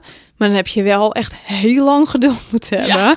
En dan kan een liedje misschien net even voor een, voor een bepaald moment Precies. een, een, eh, ja, een steuntje in de rug zijn of zo. Of, of een soort stukje van hoop of zo. Dus ja. Ja, prachtig hoor. Want ehm, ja, ook ik denk, als ik er nu over, als ik je zo hoor, dan zie ik gewoon wel een album voor me met het begin voor het begin. Ja. Dus wat je net al, Ja. hè, dat liedje wat je al eigenlijk geschreven hebt. Ja. Maar ook, eh, nou ja, misschien in deze eh, resterende zwangerschap, hè, de komende veer- ongeveer 20 weken. En dan natuurlijk eh, misschien nog eentje. Nou, ik ga je alvast voorspellen, de kraamperiode wordt heel druk. Dus ik weet niet of dat... Dan gaat het liedje waarschijnlijk over de slapeloze nachten en hoe moe we zijn. En dat we een hekel hebben aan luiersverschoning. zo. Maar goed, dat, dat wordt een drukke periode. Maar misschien, Ja. ik, ik, bedoel meer te zeggen, ja, dat het gewoon een album is. eh, en dat dan jullie kindje over, nou ja, als het bewust is, hè, over een jaar of 10, 12, dat je dan kan zeggen: God, dit hebben papa en mama voor jou speciaal gemaakt. Ja. En nou met, met een stuk of eh, zes of acht prachtige nummers erop. eh, je hebt in ieder Ja, geval het zou echt het het fantastisch zijn. Ja, ja. Dus dan is het nu alleen nog, eh, ja, of, of in haar hè, jonge jaren, een, een liedje over eh, hoe ondeugend en eigenwijs ze is en hoe, hoe ze jullie soms het bloed onder de nagels vandaan haalt. oh, tot, vast. Ja. tot, tot, de, tot de mooie momenten dat je s'avonds een boekje leest voor het slapen gaan. Nou ja, noem het allemaal maar op. Ja. Dus, ja, want eh, daar zijn ook heel... Ik weet nog heel goed dat mijn moeder toen... Dat ik 15 was, ging ik lekker puberen. En dat mijn moeder toen ehm, een liedje had eh, gegeven van Dana Winner. mhm, En dat liedje heette 15 jaar of zo. ja. En dan, zij had dat ook geschreven van wat, wat je allemaal voor struggles kan hebben op je 15-jarige leeftijd. En als je als ouder op een gegeven moment gewoon niet meer weet wat je ermee aan moet, dat dan een liedje. En het vond ik zo bijzonder dat ik dat van mijn moeder kreeg. Want het liedje was niet op alle momenten een raakvlak. Hm. Maar je kon wel heel veel emotie uithalen dat, dat je moeder eigenlijk op die manier tegen je zegt: Oké, ik, ik weet even gewoon niet meer wat ik met je aan moet. Ja, ja die, die maar weet dat ik er, ja, zeker. Maar weet dat ik wel altijd voor je ben. Ja. En dat is ja, dan is muziek komt dan toch weer om de hoek kijken als een heel mooi, eh mooi communicatiemiddel. Middel. middel. ja. Ja, zeker weten. Ja, mooi hoor. Ehm, ja, e- een van de vragen wat ik dus had, waar haal je inspiratie eh, vandaan en hoe pak je dat dan vervolgens aan? Nou, dat heb je eigenlijk net al Ja. verteld. En ehm, ja, weet je, dus bij jou komt er dus eerst melodie eigenlijk en tekst. En dan, ja, hoe, hoe ontstaat eigenlijk zoiets? Dus hoe, eh, hè, als, als bijvoorbeeld eh, Black Teen Whiskey of nou Maybe Tomorrow, de, nummers van de Courage Podcast, als je die als voorbeeld neemt, hoe zijn die twee nummers eh, van begin tot eind tot stand gekomen? Dus Ernst is natuurlijk eh, hè, die Ja, bij ik betrokken, maar Ja, zeker. Wel heel, voor een heel groot deel. Want ehm, ik ben op een gegeven moment gewoon heel veel liedjes gaan schrijven. En dat Ja. begon echt simpelweg met een gitaar in je handen nemen en gewoon een beetje pingelen. En ik Mhm. deed echt letterlijk maar wat. ja, Ehm, met basisakkoorden. En, ehm, maar mijn sterke punt is dat ik dan wel gauw een soort van melodielijn hoor. mhm, En of het is de melodie die, die in me opkomt, wat soms een beetje in maas, ja, mineur of, of majeur is. Dus, dus ja. ehm, ja, wat blijere tonen en wat minder blije tonen. mhm. Ehm, dan ga je al ook gewoon een emotie erbij voelen. Ja. En daar koppel ik dan wel ook veel sneller een onderwerp aan. ja. Waardoor je, ehm, nou, voor, als voorbeeld bijvoorbeeld een Maybe Tomorrow, die eh, heb ik geschreven samen met Brent. mhm. Eh, Brent is de, de gitarist die samen met Sven dus heel veel interactie heeft eh, tijdens het spelen. Mhm. En hij is iemand die kan nooit stilzitten. Oh, Dus die heeft ook een gitaar in zijn hand, Ja. gaat er ook mee klooien en pingelen. En ik hoor dan dus een melodie. ja. En dat is een heel, eh, zoals een Maybe Tomorrow, heel onschuldig, een beetje nonchalant melodietje. En dat was ook wel vrolijk. En met andere woorden, maak je geen zorgen over nu. Alles wat nu niet kan, kan morgen ook. ja. Maar dat En- betro- betrok je dus op je eigen leven ook? hè? Ja, Di- wat zeker. Jij, eh, ja, waar jij eh, achter staat, wat ja, jij ja. ja, mensen ook mee wil geven. En, en voor jezelf ook, zeg maar, af en toe willen. En voor Ernst ook gewoon als, als Ja. levens... ja, nou, ik weet dat ik toen zelf begon, want dit is dus één voorbeeld van hoe een liedje ontstaat. Maar dat ik zelf begon, had ik al een heleboel liedjes klaar liggen. Maar nogmaals, met hele eh, vrij simpele eh, akkoorden geschreven. Maar wel echt een tekst en een melodie die heel duidelijk aanwezig was. En toen ben ik met Ernst gaan selecteren van, oké, waar horen we echt een, een catchy refrein in, wat echt lekker bij, bij je blijft hangen, of Ja. wat is zo simpelweg gewoon echt heel mooi. Ja. Eh, en daarmee zijn we uiteindelijk met een team muzikanten gaan schrijven. En dan ga je eigenlijk letterlijk de muziek schrijven. Dus niet zozeer met het verhaal of de melodie. Maar ja, kleed je hem aan met nog een heel eh, een, een drumstijl en een bassist eh, erbij. Of hou je dat liedje klein en akoestisch, alleen met gitaar. Of misschien is een piano wel heel passend voor die melodie en die tekst. Ja. En zo ga je het echt met elkaar schrijven en dan Ja. vormt zich een heel album. Ja, gaaf. Ja, want ik vind het ook ideale deuntjes om dus de, de podcast... In een podcast te slingeren. in, in de podcast eh, of in de, in de Instagram eh, verhalen eh, te doen. Want eh, ja, het is, er zit echt van die kleine passende stukjes. En dat, is, dat blijft altijd hangen ook, vind ik, Ja. in je hoofd. En dat, dat bre- brengt gewoon heel veel herkenbaarheid dus, ja, voor de podcast. Dus Marianne is ook echt niet meer weg te denken uit, uit de Courage podcast nu. Want Ja, dat is, bij iedereen helemaal ingeprogrammeerd, ook door de...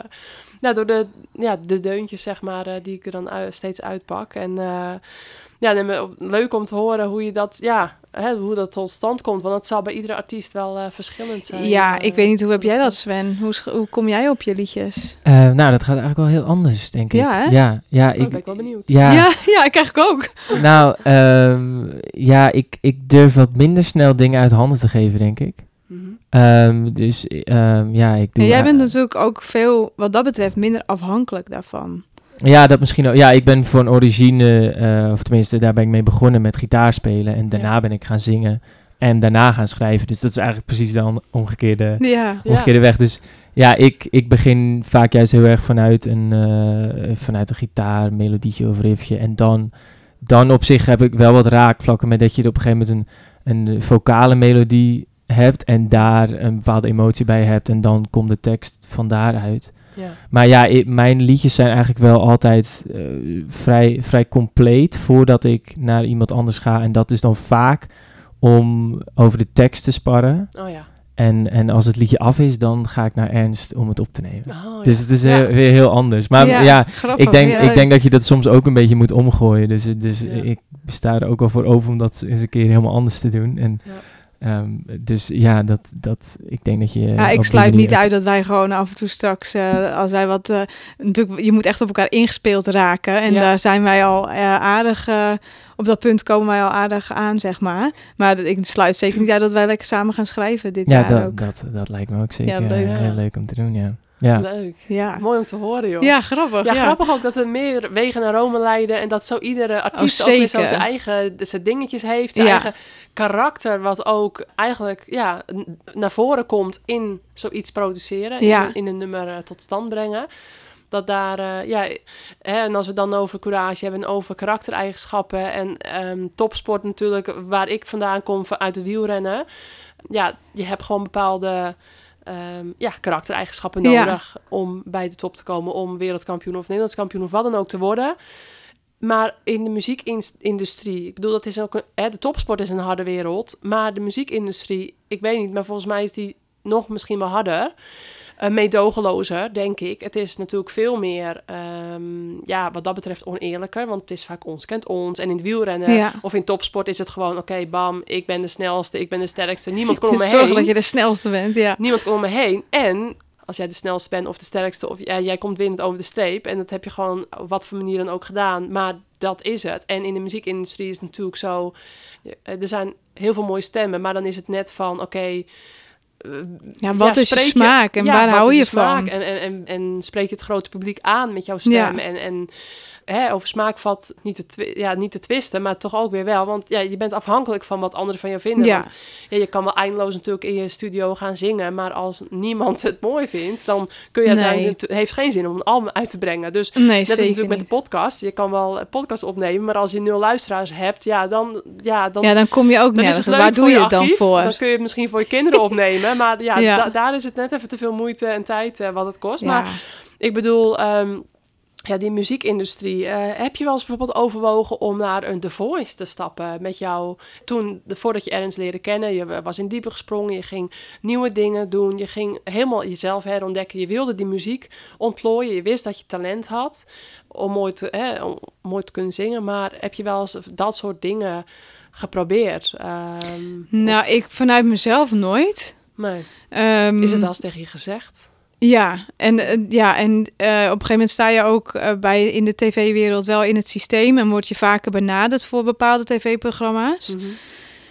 Maar het, daar ligt absoluut niet mijn ambitie. Nee. Nee, ik heb wel die sfeer een beetje mogen proeven door een auditie te mogen doen, omdat collega's echt gewoon Oh. bleven zullen van je moet meedoen. En toen op een gegeven moment hadden zij, ja, zo, dat was toen nog niet eens de vo ja, de Voice ook en de X-Factor was Oh, het echt? toen. Ja, Daar heb je dus auditie gedaan? ja, en dan kom je dus ook niet. wel meerdere rondes door. Maar op een Ja. gegeven moment was ik, eh, ja, toen was ik veel te saai, joh. Oh. Ik had echt gewoon een boblijntje. Ik was eh, iets zwaarder dan, dat- dan dat Ben je, ben je op tv geweest toen ook? Of? Nee, nee. Oh, die was dat, die ronde kwam ik echt net niet door. Oké, had je dat gewild dan? Nee, achteraf? ik denk Nee. het ook niet. Blijf maar lekker in West-Friesland in de Ja. Ierse pub. nou, als ik nu... Ja, weet je wat het is? Ehm, als je het inderdaad gaat vergelijken met eh, de sportwereld... Ja. dat eh, zowel in de sport als in de muziek... je moet een drive hebben. Ja, daar, daar Heb je die niet, inderdaad, kom je ook nergens. Nee, je moet En- de hele dag muziek willen maken of je moet de hele Ja. dag willen sporten. En als je dat niet Ja, wil maar of ook een heel plan schrijven. Want Ja. eh, mensen denken vaak van... al ga je meedoen met zo'n programma, dan breek je door en dan ben je er. Ja. Maar zo werkt het helemaal niet. Dat is wel hoe de tv-wereld het natuurlijk doet, laat overkomen. Ja. En we snappen allemaal dat we willen allemaal leuke tv kijken. Want dat vind ik zelf ook gewoon leuk als het heel interessant gemaakt wordt. Maar het is wel heel iets anders dan de realiteit. Ja. En ehm, wij zijn nu al een tijdje bezig met de band Marianne Lichthart. Ehm, en we, we, we krijgen zeg maar al grotere doelgroep. Ja. Maar ik denk, eh, al zou je willen doorbreken, dan kan je daar wel heel veel voor, eh, voor doen om Mm. dat te proberen. En vooral ook de aanhouder wint is Ja. ook zeker eh, eh, een, een motto wat je kan hanteren, zeg maar. Ja. Maar ik ben toevallig laatst met, eh, met Ernst ook samen een heel plan gaan schrijven. Omdat ehm, het stukje aanpakken en doorpakken is lastig, omdat er in de muziekwereld is het zo breed. Ja. Welk genre kies je? Nou, Ja. ik heb een genre gekozen wat, wat helemaal bij mij past, wat ik helemaal leuk vind. Eh, wat mijn publiek ook heel mooi vindt. Maar het is nooit commercieel genoeg om, eh, eh, om op een radio meegedraaid te worden. Maar dat is Mhm. ook mijn ambitie niet. Nee. Want als ik eh, eind van het jaar ook weer met Sven en met iedereen die meekomt... een heel mooi kerkje vol uitverkocht krijg... en dat sfeertje een mooie show kan neerzetten... Ja. dat vind ik helemaal de shit. Dat Ja. vind ik helemaal geweldig. Ja, ja. En dan heb ik eh, mooie platen. Ik heb mijn, platen, mijn liedjes op vinyl laten persen. Als mensen die willen kopen, is dat mijn merchandise. En zo heb je natuurlijk allemaal al dingetjes dat je zegt van... oké, ik ga er promotie voor maken. Ja, Eh, we gaan repeteren met z'n allen. Eh, we gaan zorgen dat we meer streams krijgen. Nou, hoe je het in playlist krijgt. En dat is dan weer iets waar Sven mij bijvoorbeeld weer mee geholpen heeft. Omdat Sven dan weer veel ehm, eh, makkelijker met dat soort dingen, met playlist en zo omgaat. En daar doet hij weer veel meer mee. En ik ben weer bijvoorbeeld veel meer van mensen gewoon bellen. Oh, van ja. ik wil daar spelen. Hoe Ja. is de akoestiek? Je moet er echt achteraan gaan. Mhm. Maar eh, ja, hoe je alleen al muziek op Spotify krijgt, is soms al een hele omweg. Dus ja. samen met Ens zijn we nu een plan aan het maken van hoe je iemand die hier in de studio eh, komt, ook kan begeleiden in het proces erna. Want er is vaak heel veel onduidelijkheid. ja. En tuurlijk is het fantastisch als je voor een bepaald management eh, getekend kan worden, die jou al heel veel op weg helpt. Mhm. Maar een tv-programma, Nee. Gaat je echt niet altijd helpen. Het zal je misschien een, een zetje geven, omdat je wat meer bekendheid kan, eh, kan creëren. En als je daarmee doorpakt of iemand Ja. ziet iets in jou, dan, dan kan je daar zeker op meevaren. Mhm. Maar dan moet je nog steeds zelf willen. Ja, maar dan wordt er ook vaak voor jou bepaald welke kant je op moet gaan. Hè? Ook, dan zijn er ja, natuurlijk ja. hele grote spelers uit de muziekwereld die dan zeggen: Oké, nou mooi, eh, maar je gaat wel even naar mijn pijpen dansen. Ja, Ik zeker. heb het idee dat het ook helemaal niet bij jullie past. Nee, Dus, absoluut niet. nee, daarom zitten wij... eh, zelf, denk ik, ja, eh, de, ik het studio die draait hele mooie projecten samen met Ernst. En we ontvangen al meer bekendere artiesten. Ja, Akda de Munnik toch? Paul de Munnik, Paul ja, de Munnik, inderdaad. ja. En eh Michael Prins, die heeft ook meegedaan met eh, een tv-programma. En eh Douwe Bob. Kijk, dat zijn wel mensen die ehm, wel echt ook zelf zijn door gaan pakken. Ja. Maar ehm, ook zelf echt die creativiteit hebben Ja. om hele mooie muziek te maken. Ja. En ehm Ernst is iemand die heel goed kan lezen en schrijven met heel veel karakters en heel veel genres muziek eh, eh, vertaald, zeg maar, wel goed kan verstaan.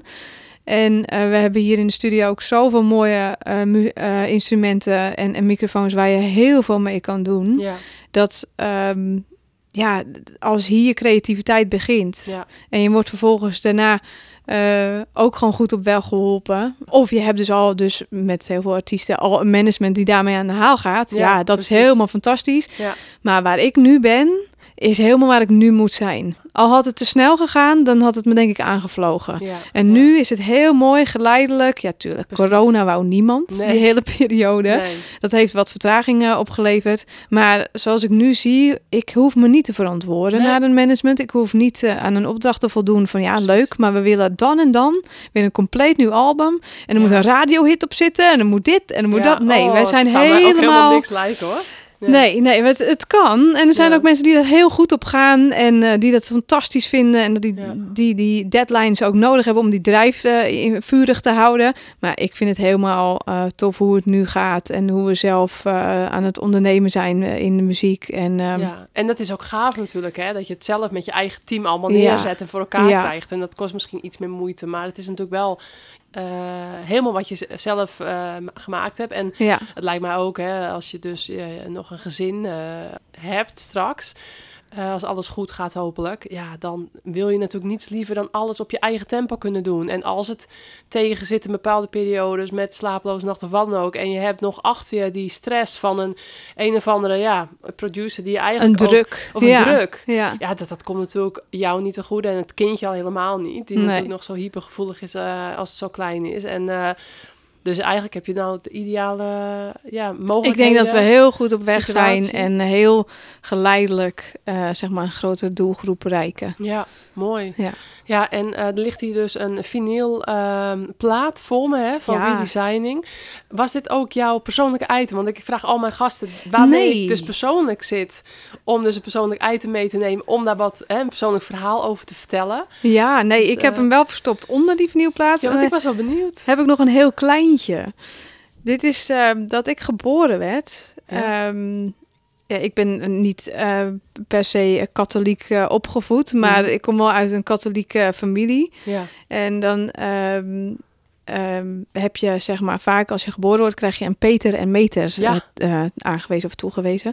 En eh, voor mij was dat oma René. ja. En eh, met oma René ben ik echt eh, muziek gaan maken en eh, ben ik echt gaan zingen, want hij eh, speelt gitaar. Ja.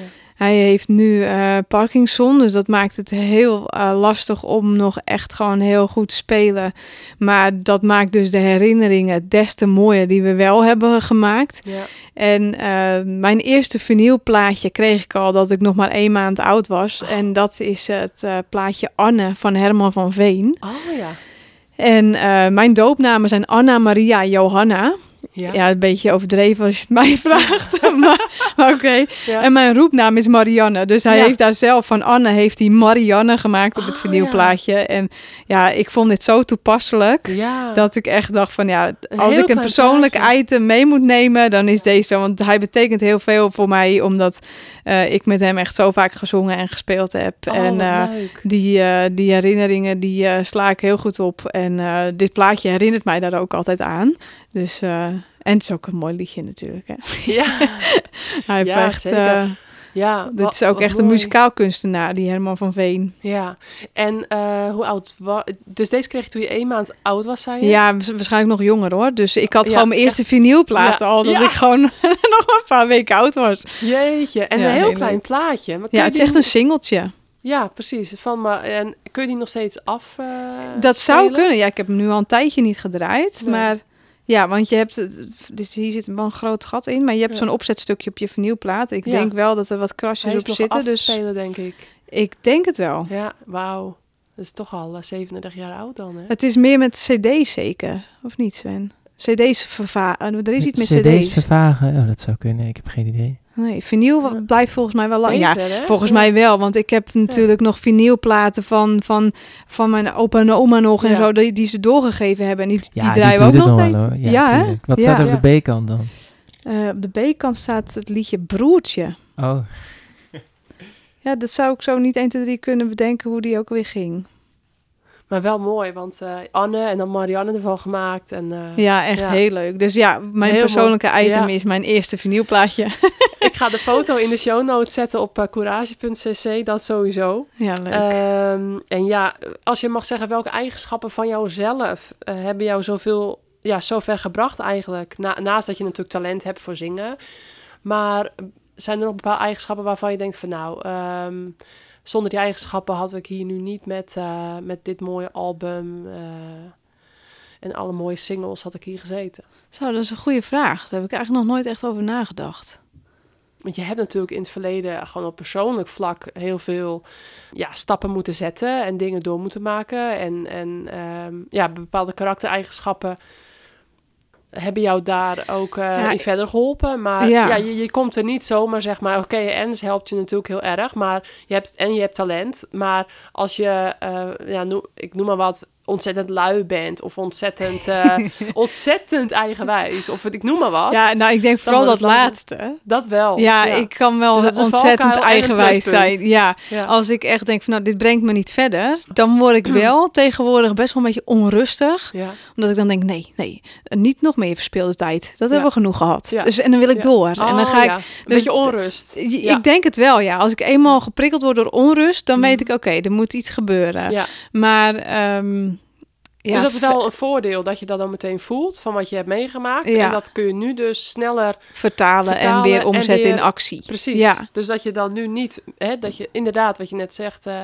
minder tijd verspilt. ja. Maar, maar ja, dat is dus nu een, eh, ja, een goede karaktereigenschap, een goede... Ja, voor iemand anders lijkt het me heel vervelend soms. Kijk, Ja. wat Ernst betreft, die is het wel gewend. En we doen inderdaad, eh, ja, wij gaan gewoon samen gelijk op. En dat is gewoon heel fijn, een hele goede balans in een hele goede basis. Ja. En eh, ja, wat de, wat de muziek betreft, is dat ook wel, denk ik, eh, vaak iets waarvan ik zeg: nee, ik ben niet eigenwijs. Ik heb Mm. gewoon een eigen wijze. Ja, dat zeg ik ook wel eens. Dus dat, dat werkt altijd heel goed als je die Ja. erin gooit. Mm. Ja, ja. Ik denk dat dat wel eh eigenwijsiteit, dat, dat eigenwijs zijn, dat brengt je echt wel ergens. En, en ik Op een goede eh, manier, hè, ook wel. Ja, precies. En ik denk dan ook wel, als ik je zo een beetje gehoord heb, je, je gevoel volgen en daar natuurlijk Zeker. de mooiste liedjes uit kunnen maken. Want dat Ja. kan niet iedereen, om dus zo ehm, eigenlijk naar zichzelf te luisteren van wat diep van binnen zit, om dat dan ook ja, eruit te krijgen. En dat Ja. te vertalen in tekst, maar ook in melodieën. Ja, dat de grap is ook wel. als je het mij vraagt. Ja, en het is soms ook wel moeilijk, want de grap is wel, denk ik, dat ik ben. Ik kan heel makkelijk praten, zoals Ja. wij nu ook gewoon lekker wegkletsen. Ja, en dat hadden wij eigenlijk meteen al. Ja, daarom. En Ja. eh, dus die spontaniteit en gewoon het, het amicale zit er sowieso wel in. Ik ben gewoon eh, heel, altijd heel blij met mensen om me heen. Ja. Maar echt die, die, die eh, verhalen, die, die intense verhalen, kan ik vaak heel lastig wel over praten. Maar gek genoeg wel een emotie vertalen in een liedje. Ja. Ja. En ik kan nog steeds niet echt ja, zelf vertalen waarom dat zo is. Mhm. Maar alsof je een emotie in de Engelse taal eh, makkelijker gewoon kan uitspreken. Of als je het in een Ja. liedje doet, dan is het niet zo eh, intens of zo. Omdat Niet zo Ja, je- direct misschien. Ja, precies, het is niet meer zo direct. En dat is, dat is een goeie, ja.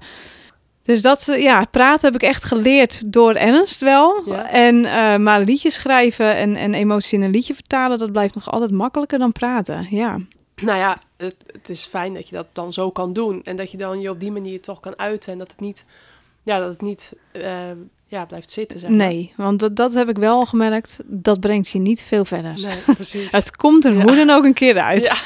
ja.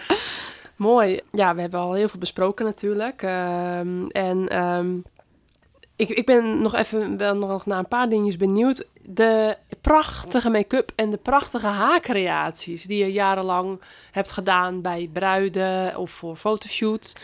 Hoe gaat dat straks uitzien? Want nu krijg je natuurlijk een heel brok drukte erbij, eh, hoe je het went of keert, met de kleine. ja.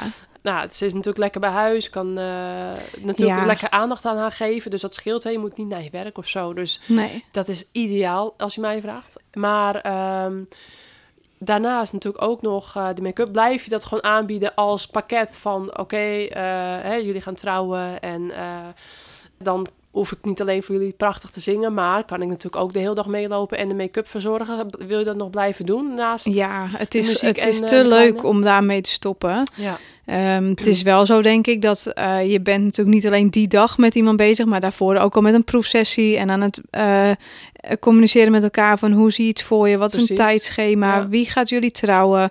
Vaak Ja. moet je met de ambtenaar nog heel even in gesprek, omdat je dan met elkaar kan afstemmen wanneer zet je de muziek in en op welk moment. En dus ehm, je moet wel een hoop bespre- bespreken met elkaar, maar het Ja. is te leuk om ermee te stoppen. Dus ik zei al, misschien, eh, we gaan sowieso door met dat de complete pakket. Ehm, maar dan zal ik misschien eerder zeggen, nou, ik doe er één per week. Ja. Want daar ben je dus al meerdere dagen mee bezig. En ehm, natuurlijk als Sven en ik eh, dit eh, lekker veel gaan doen, en we Ja. mogen dat ook dit jaar lekker gaan doen, dan wordt het al beter. Dus hoef je niet heel veel repetitietijd meer in te stoppen.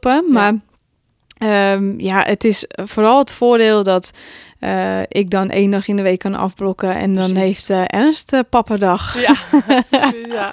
ja. Ja, nee, maar ideaal eigenlijk. Je bent er dan toch op locatie. Je Ja. bent alleen wat uurtjes eerder weg. En, eh, en het is ook wel leuk, denk ik, eh, voor een bruid dan... om gewoon een vrolijke, eh, ontspannen persoonlijkheid eromheen te hebben... die dus ook meerdere dingen dan... eh, ja, die echt een, ook een beetje een stempel eh, op de dag Zeker. heeft. Ja, en ik heb verschillende mensen. Ja, ook. En ik heb ook nu van meerdere bruidsparen het verzoek gehad om hun geloftes zeg maar te vertalen in een liedje. Zo. En dat is ook vaak iets wat ze onder de video eh, qua audio willen hebben. Oh ja. Dus dan, dan zijn we natuurlijk weer hier in de studio om Ja. dat liedje op te nemen voor naar de videograaf ja. eh, te sturen. En ja, dat, wij zijn wat dat betreft, hebben wij de luxe dat we super flexibel zijn. Want dat kunnen we natuurlijk plannen wanneer het net even uitkomt. Ja. Volgend Dus, jaar doe eh, ik nog een cursus trouwambtenaar. Dan kunnen we gewoon met, z'n- met z'n tweeën de hele dag. Wauw, dat wordt helemaal een Wij, uniek wij worden pakket. gewoon eigenlijk een soort van weddingplanner, Ja. zonder dat we weddingplanner zijn, maar we doen gewoon alle aspecten van de hele dag. Ja, Ja, dat zou helemaal, dat zou helemaal tof zijn.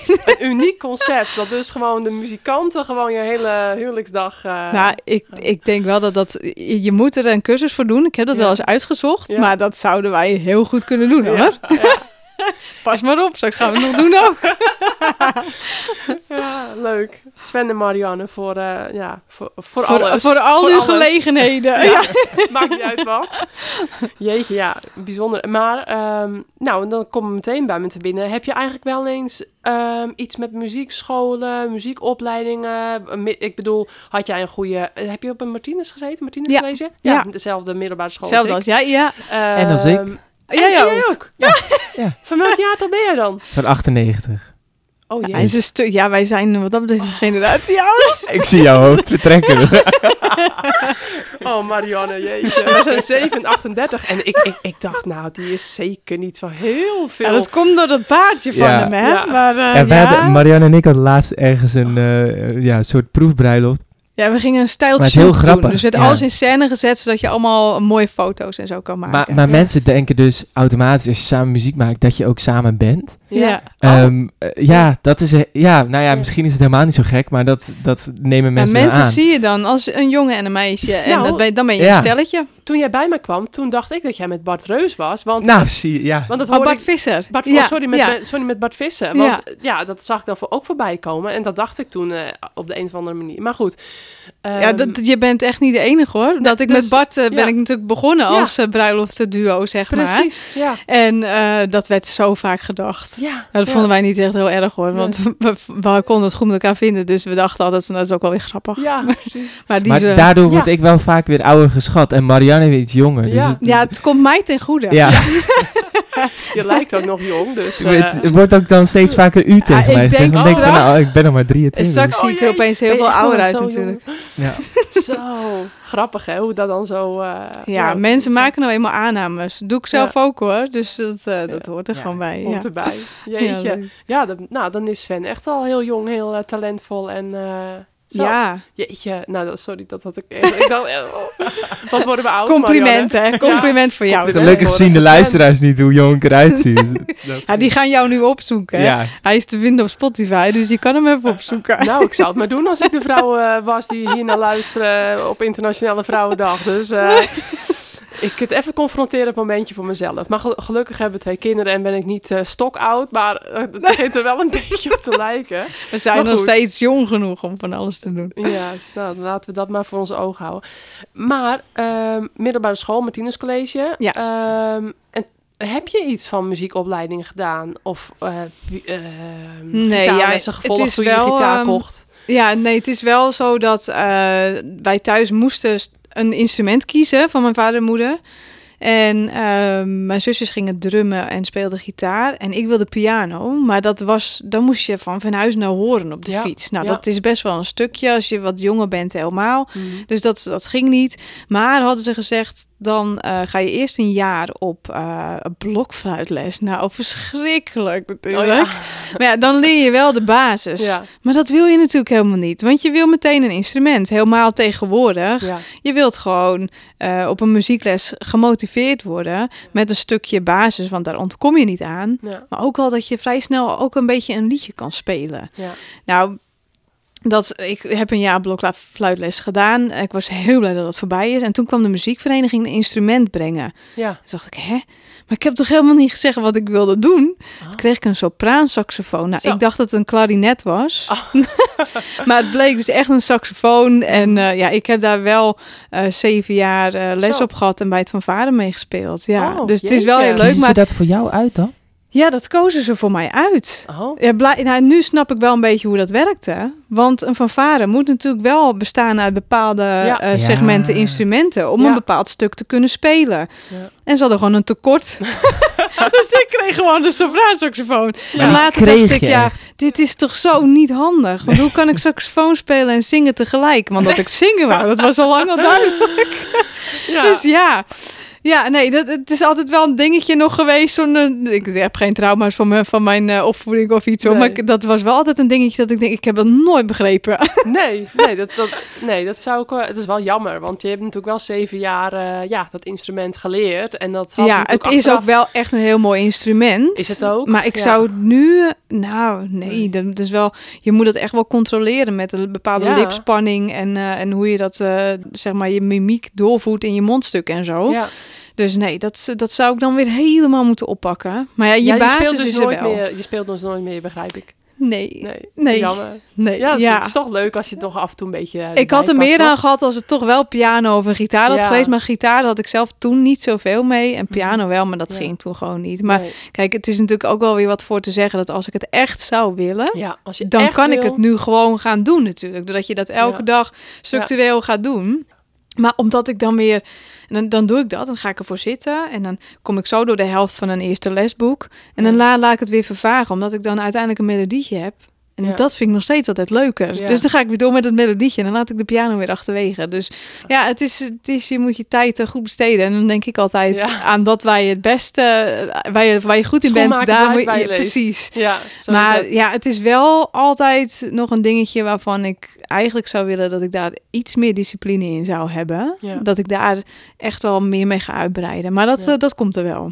Gaandeweg ben ik alweer veel verder dan waar ik twee jaar geleden was. Qua pianospel ook. Dus Ja. ja, Ja. langzaamaan. Maar goed, eh, genoeg allemaal hè, met de bruiloften en met de optredens Ja. en met eh, het zingen en straks met de kleine. Dus ik zou zeggen van genoeg van- Genieten eh, van als het in balans is, dan eh, Ja. geniet er maar lekker van. Nou, dan ehm, ga ik jullie niet heel lang meer ophouden. Wat ik nog als laatste eigenlijk wil vragen. Ehm, nou, jullie krijgen natuurlijk zo'n kindje, eh, of nou, zo, ehm, met, eh, met ongeveer 20 weken. En wat eh, zou je als levensles aan, aan kinderen, of aan jouw nichtje Merel willen meegeven, of Josephine, of je andere nichtjes of neefje? Dus voor, voor kinderen, want er zijn natuurlijk ehm, Dat is een goede vraag. kinderen zeg. met, met, met talent. Kinderen, Ja. kinderen worden vaak, heel vaak met talent ge- geboren. Ja. Dan is de vraag, wat doe je ermee? Eh, eh, maar, of over het algemeen, heb je een... eh, eh, Ja, heb je- algemeen had- zou ik altijd zeggen tegen iedereen van luister naar je gevoel en ga Ja. daarop af. Precies, dat is ook echt Ten wel jouw alle tijden. zelf natuurlijk geweest. Ja, Maar eh, echt voor kinderen, want ehm, ja, wij hebben zelf natuurlijk hè, onze jeugd gewoon doorgebracht, maar soms dan zijn er wel eens van die, hè, dan ben je s'avonds boekje aan het voorlezen. En ik had toen ik zelf zwanger was al wel zoiets van, oh, dit en dit en dit wil ik echt later, als ze alles begrijpen en als ik met ze kan praten, wil ik echt graag aan mijn kinderen meegeven. En ja, dan, dan sta je echt een beetje te popelen van, goh, eh, dit heb ik allemaal in mijn rugzak en dit wil ik mijn kinderen Ja. zeker meegeven. Echt van die specifieke dingen waarvan je zelf denkt van, ah, als dat tegen mij was gezegd, eh, dan had ik daar heel veel aan gehad. Dus jij zegt nu, hè, je gevoel volgen, maar dat is voor kinderen natuurlijk nog een beetje, eh, ja, Ja, het, het, moeilijk. het is wel moeilijk inderdaad. Dus want als ik naar mijn neefjes en zijn? nichtjes kijk, dan eh, eh, zijn, is Josephine bijvoorbeeld super sportief. Ja. En Mout zal me echt totaal niet verrassen als die uiteindelijk zegt, ik word dokter. ja. Want elke knuffel krijgt nu al een, een prikje, want die is ziek. En die moet naar de hart geluisterd worden. En allemaal, Oh die moet even in de verzorging. Dat is echt een, een super een lief meisje, wat echt de ver- verzorgende kant al heel erg uit. Mhm. En Josephine is degene die zo sportief en, en fanatiek is. En dat heeft Benjamin ook. En Merel, dat is nog even een beetje de vlierenfluiten nu natuurlijk. ja. Maar ja, dus ja, ik denk, maar dan zou het niet zozeer een, een, een levensles zijn naar het kind toe, maar meer naar je ouders, eh, naar de ouders, weet je wel, dat je echt gewoon de, de talenten van je naar je kind luistert en dat je niet dat oplegt wat jij per se als ouder wil, ja, dat dat kind gaat doen. precies. Ja. Want dat zie ik nu bij mezelf ook. Eh, er, er was niet echt in Venhuis in de door de pianoles, maar anders Ja. had ik echt wel piano willen spelen. Ja, Daar had ik nu heel veel aan gehad. ja, Maar dat is altijd achteraf. ja. Ehm, ik zit wel met Ernest af en toe een beetje te sparren over... Goh, hoe zou dat dan zijn als wij een kleintje hebben? En toen zei ik Ja. meteen al... Nou, hoe, wat ook, maakt mij allemaal niet uit. Maar het gaat een instrument kiezen. toen dacht ik, oh, nou doe Hey. ik precies hetzelfde. Herkenbaar. Dus ja, ehm, gebeurt vaak. ja, nee, ik denk vooral... dat We moeten daar ook wel een beetje om lachen natuurlijk. Ja. Maar ik- ben echt wel iemand die luistert naar eh, gevoel, naar je eigen gevoel. En Ja. aan de hand daarvan ga je handelen. Ja. Ehm, maar ja, mijn levensles naar, een- naar een kind, ja, dat vind ik wel lastig nog. Ja. Maar meer dan naar de ouders toe, dan zou ik echt zeggen van ja, kijk naar het gevoel van het kind en waar het blij van wordt. En ga, ga het zelf laten ontdekken Hm. eh, welke kant het op wil. Ja. Want ehm, ik ben wel een beetje het standaard verhaal, denk ik. Van eh, je gaat naar de basisschool, je gaat naar de hogeschool en je gaat erna. eh, ik wilde toen kapser worden. Nou, in principe ben ik nog steeds natuurlijk met de styling en alles Ja, bezig. zeker. Eh, maar dat was ook echt wat ik wilde doen. Ja. En daar werd ik ook heel blij van. Maar ik Ja. heb genoeg kinderen gezien die eh, gewoon echt niet wisten wat ze wilden. Mhm. En dan denk ik dat je gewoon als kind niet te veel druk op jezelf moet leggen. Want op een gegeven moment komt er een moment en er komt iets op je pad waarvan je denkt: ja, maar wacht even. Ik heb wel een omweg genomen en ik heb niet stilgestaan. Maar uiteindelijk weet ik nu pas wat ik wil en daar ga ik nu echt voor. Ja. Tegenwoordig moet ze al zo snel besluiten Ja. wa- wat ze willen doen Ja. en, en hoe en waar en wanneer. En wanneer heb je dan afgerond. En, eh, en dan denk ik wel eens, ja. kijk, want Sven ook. Ik vind het super stoer van hem dat hij bijvoorbeeld gewoon is gaan zeggen. van, Hij is eigenlijk eh, ja, leraar, toch? Kan ik gewoon zeggen? Of hoe heet het, Nou, een andere ik, titel? Ik heb eh, de halve pauw gedaan. Je hebt de halve power Ja. gedaan. Nou goed, jij kan dus wel je weg vinden in het onderwijs. Ja, Maar dat- hij heeft ook gewoon gezegd, Ja. ik ga een- jaar naar Engeland toe. En daar Ja. ga ik voor de muziek. Ja. En als dat is wat je gelukkig maakt... Echt je hart volgen. Precies. Ja, ja. En ehm, als iemand nou zegt, ja, maar ik heb een passie, daar kan ik mijn geld niet mee verdienen. Dan is er altijd wel een combinatie te vinden. Met dat waar je wel geld mee kan verdienen en Precies. daar waar je hart ligt. Ja. Dus ehm, Ja. Ja, Mooi luister om- naar je gevoel en ga voor dat wat je gelukkig maakt. Precies. Dat is een hele mooie om mee af te sluiten, denk ik. Eh, ja, Want jullie moeten nog repeteren. En, wij eh, gaan nog even aan de bak. Ja, En, en Richard met de kinderen, die zit ondertussen ook de hele tijd eh, eh, geduldig te wachten. Ah, ze zijn wel zoet hoor, ik die jongens. een schone luier ondertussen voorbij komen. Nou, dus... dus eh, ik ga er straks ook aan Kunnen ze er alvast Ja. een beetje aan wennen? Ja, Precies, kan, kan, kan Ernst alvast aan de geur wennen. Ehm, ja, dus er zullen ongetwijfeld straks als ik thuis ben nog weer allemaal vragen door mijn hoofd komen van... Oh, en dit is natuurlijk ook heel leuk voor de luisteraars om te horen en dit en dit ook. Maar weet je wat, eh, voorlopig ben jij nog steeds de, de enige echte mooiste eh, eh, za- zangeres of nou ja, muziek van de podcast. Dus er komt volgend jaar, als, je, als jouw leven weer eventjes wat iets er anders uitziet eh, natuurlijk, eh, eh, dan kunnen we misschien wel weer gewoon een, een mooie podcast maken. Maar voor nu denk ik dat de luisteraars al een hele mooie inkijk hebben gekregen in de vrouw achter de muziek van de podcast. En ja, nogmaals, daar ben ik heel trots op. Marianne, waar kunnen we jou vinden op de social media kanalen? En, en waar kunnen mensen jouw eh, muziek kopen? Jouw, jouw prachtige plaat, jouw vinylplaat bijvoorbeeld? Ja, mijn plaat eh, is eh, sowieso te vinden bij Uptown Records in Mhm. Horen. En die hebben ook een website, dus daar is hij ook te bestellen. Ehm, en als dat niet goed te vinden is, uiteraard gewoon mijn Instagram en mijn Facebook is simpelweg Marianne Lichtart. Ja. En Spotify natuurlijk. Ja. Dus, Waar eh, onder andere Sven ook te vinden is, waar we allemaal, Sven eh, waar we Sven allemaal, Ross. eh, Sven Ross, ja. Sven Ross, ja. Dus ja, wij zetten alles wel echt op Spotify en natuurlijk ook andere muziekstreamdiensten. ja. Maar ehm, de website gaan we binnenkort even helemaal onder handen nemen met eh, alle nieuwe artwork eh, die we nu hebben van het nieuwe album.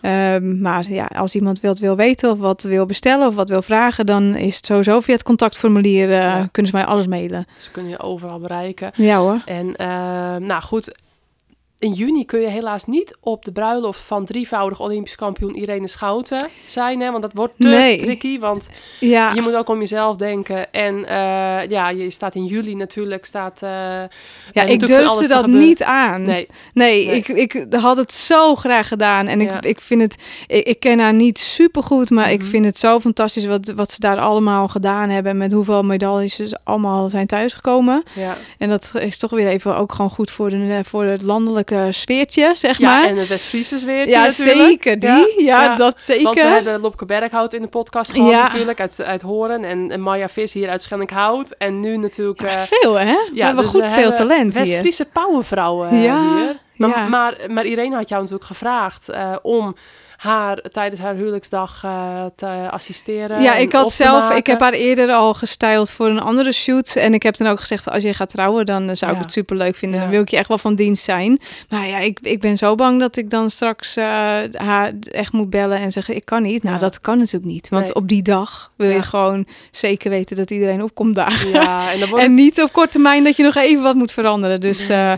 maar dat gaan ze vast helemaal redden zonder mij. Dat komt vast helemaal goed. Dus, maar goed, eh, in ieder geval eh, heel veel andere bruiden die, eh, die gaan wel ja, Ja. van jouw kunsten weer mogen profiteren. En, ehm, dus dat ga je natuurlijk doen. Maar goed, voor nu hartstikke bedankt. Eh, nou, ook voor je openheid en, En jij eh, oprechtheid.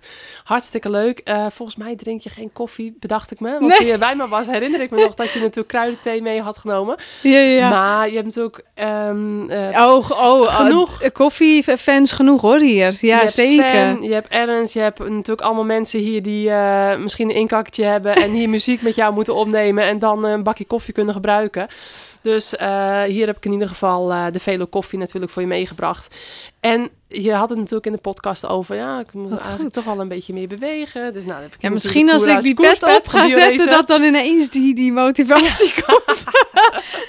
Nou Ja, goed, leuk. of eh, anders dan, dan hang je hem hier lekker neer. En dan kun je in ieder geval mensen laten zien van... hé, hey, maar eh, ik word eh, iedere maand een, pa- een aantal keren in de Courage podcast gedraaid. Standaard, dus dan... eh, Helemaal leuk, dankjewel. Nou ja. Ehm, we gaan dus nu afsluiten met het prachtige nummer... eh, wat eh, ja, iedere podcast eigenlijk de outro is. Hè? Ja. Dus eh, Maybe Tomorrow.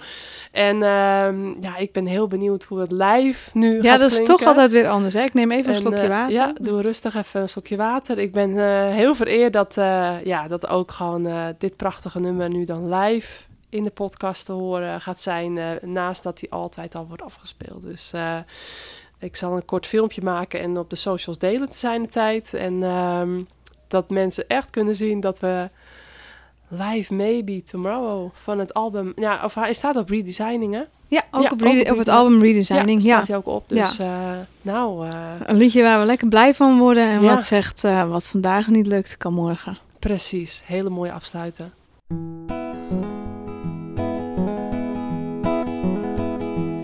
I've been walking for a while now. There's something I need to get out of my head. And I can feel it fading away now. Time to slow down and take a step back. Cause it's a beautiful day to get things out of the way. But if it's not today, then maybe tomorrow. So I have to go where I am going. Although I haven't found out yet where it is and how to get there. Is no need to hurry. Maybe I should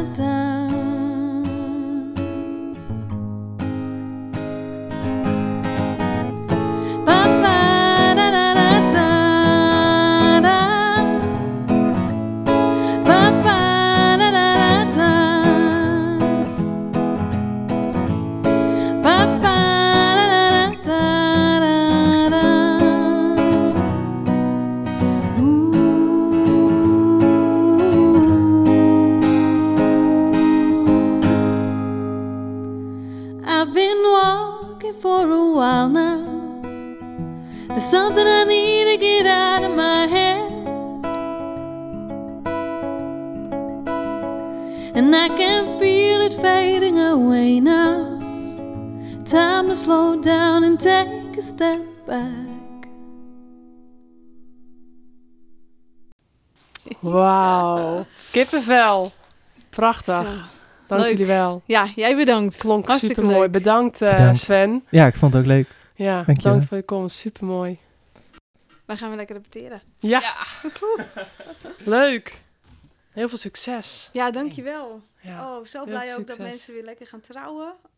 Oh, Ja, lekker de liefde vieren en zo. precies. Ja, echt. Helemaal leuk. Mooi. Nou. Ik hoop dat Ernst en eh, Richard het ook eh, leuk vonden. Die hebben gewoon de verplicht al wel heel lang moeten luisteren naar ons. Nee, leuk. Ja, misschien Heel hebben ze hem wel op mute gezet. Ja. Misschien hebben ze ons daar wel niet gehoord. We waren gewoon lekker zelf aan het koffie drinken en kletsen. Heb jij een vinyl uh, plaatspeler?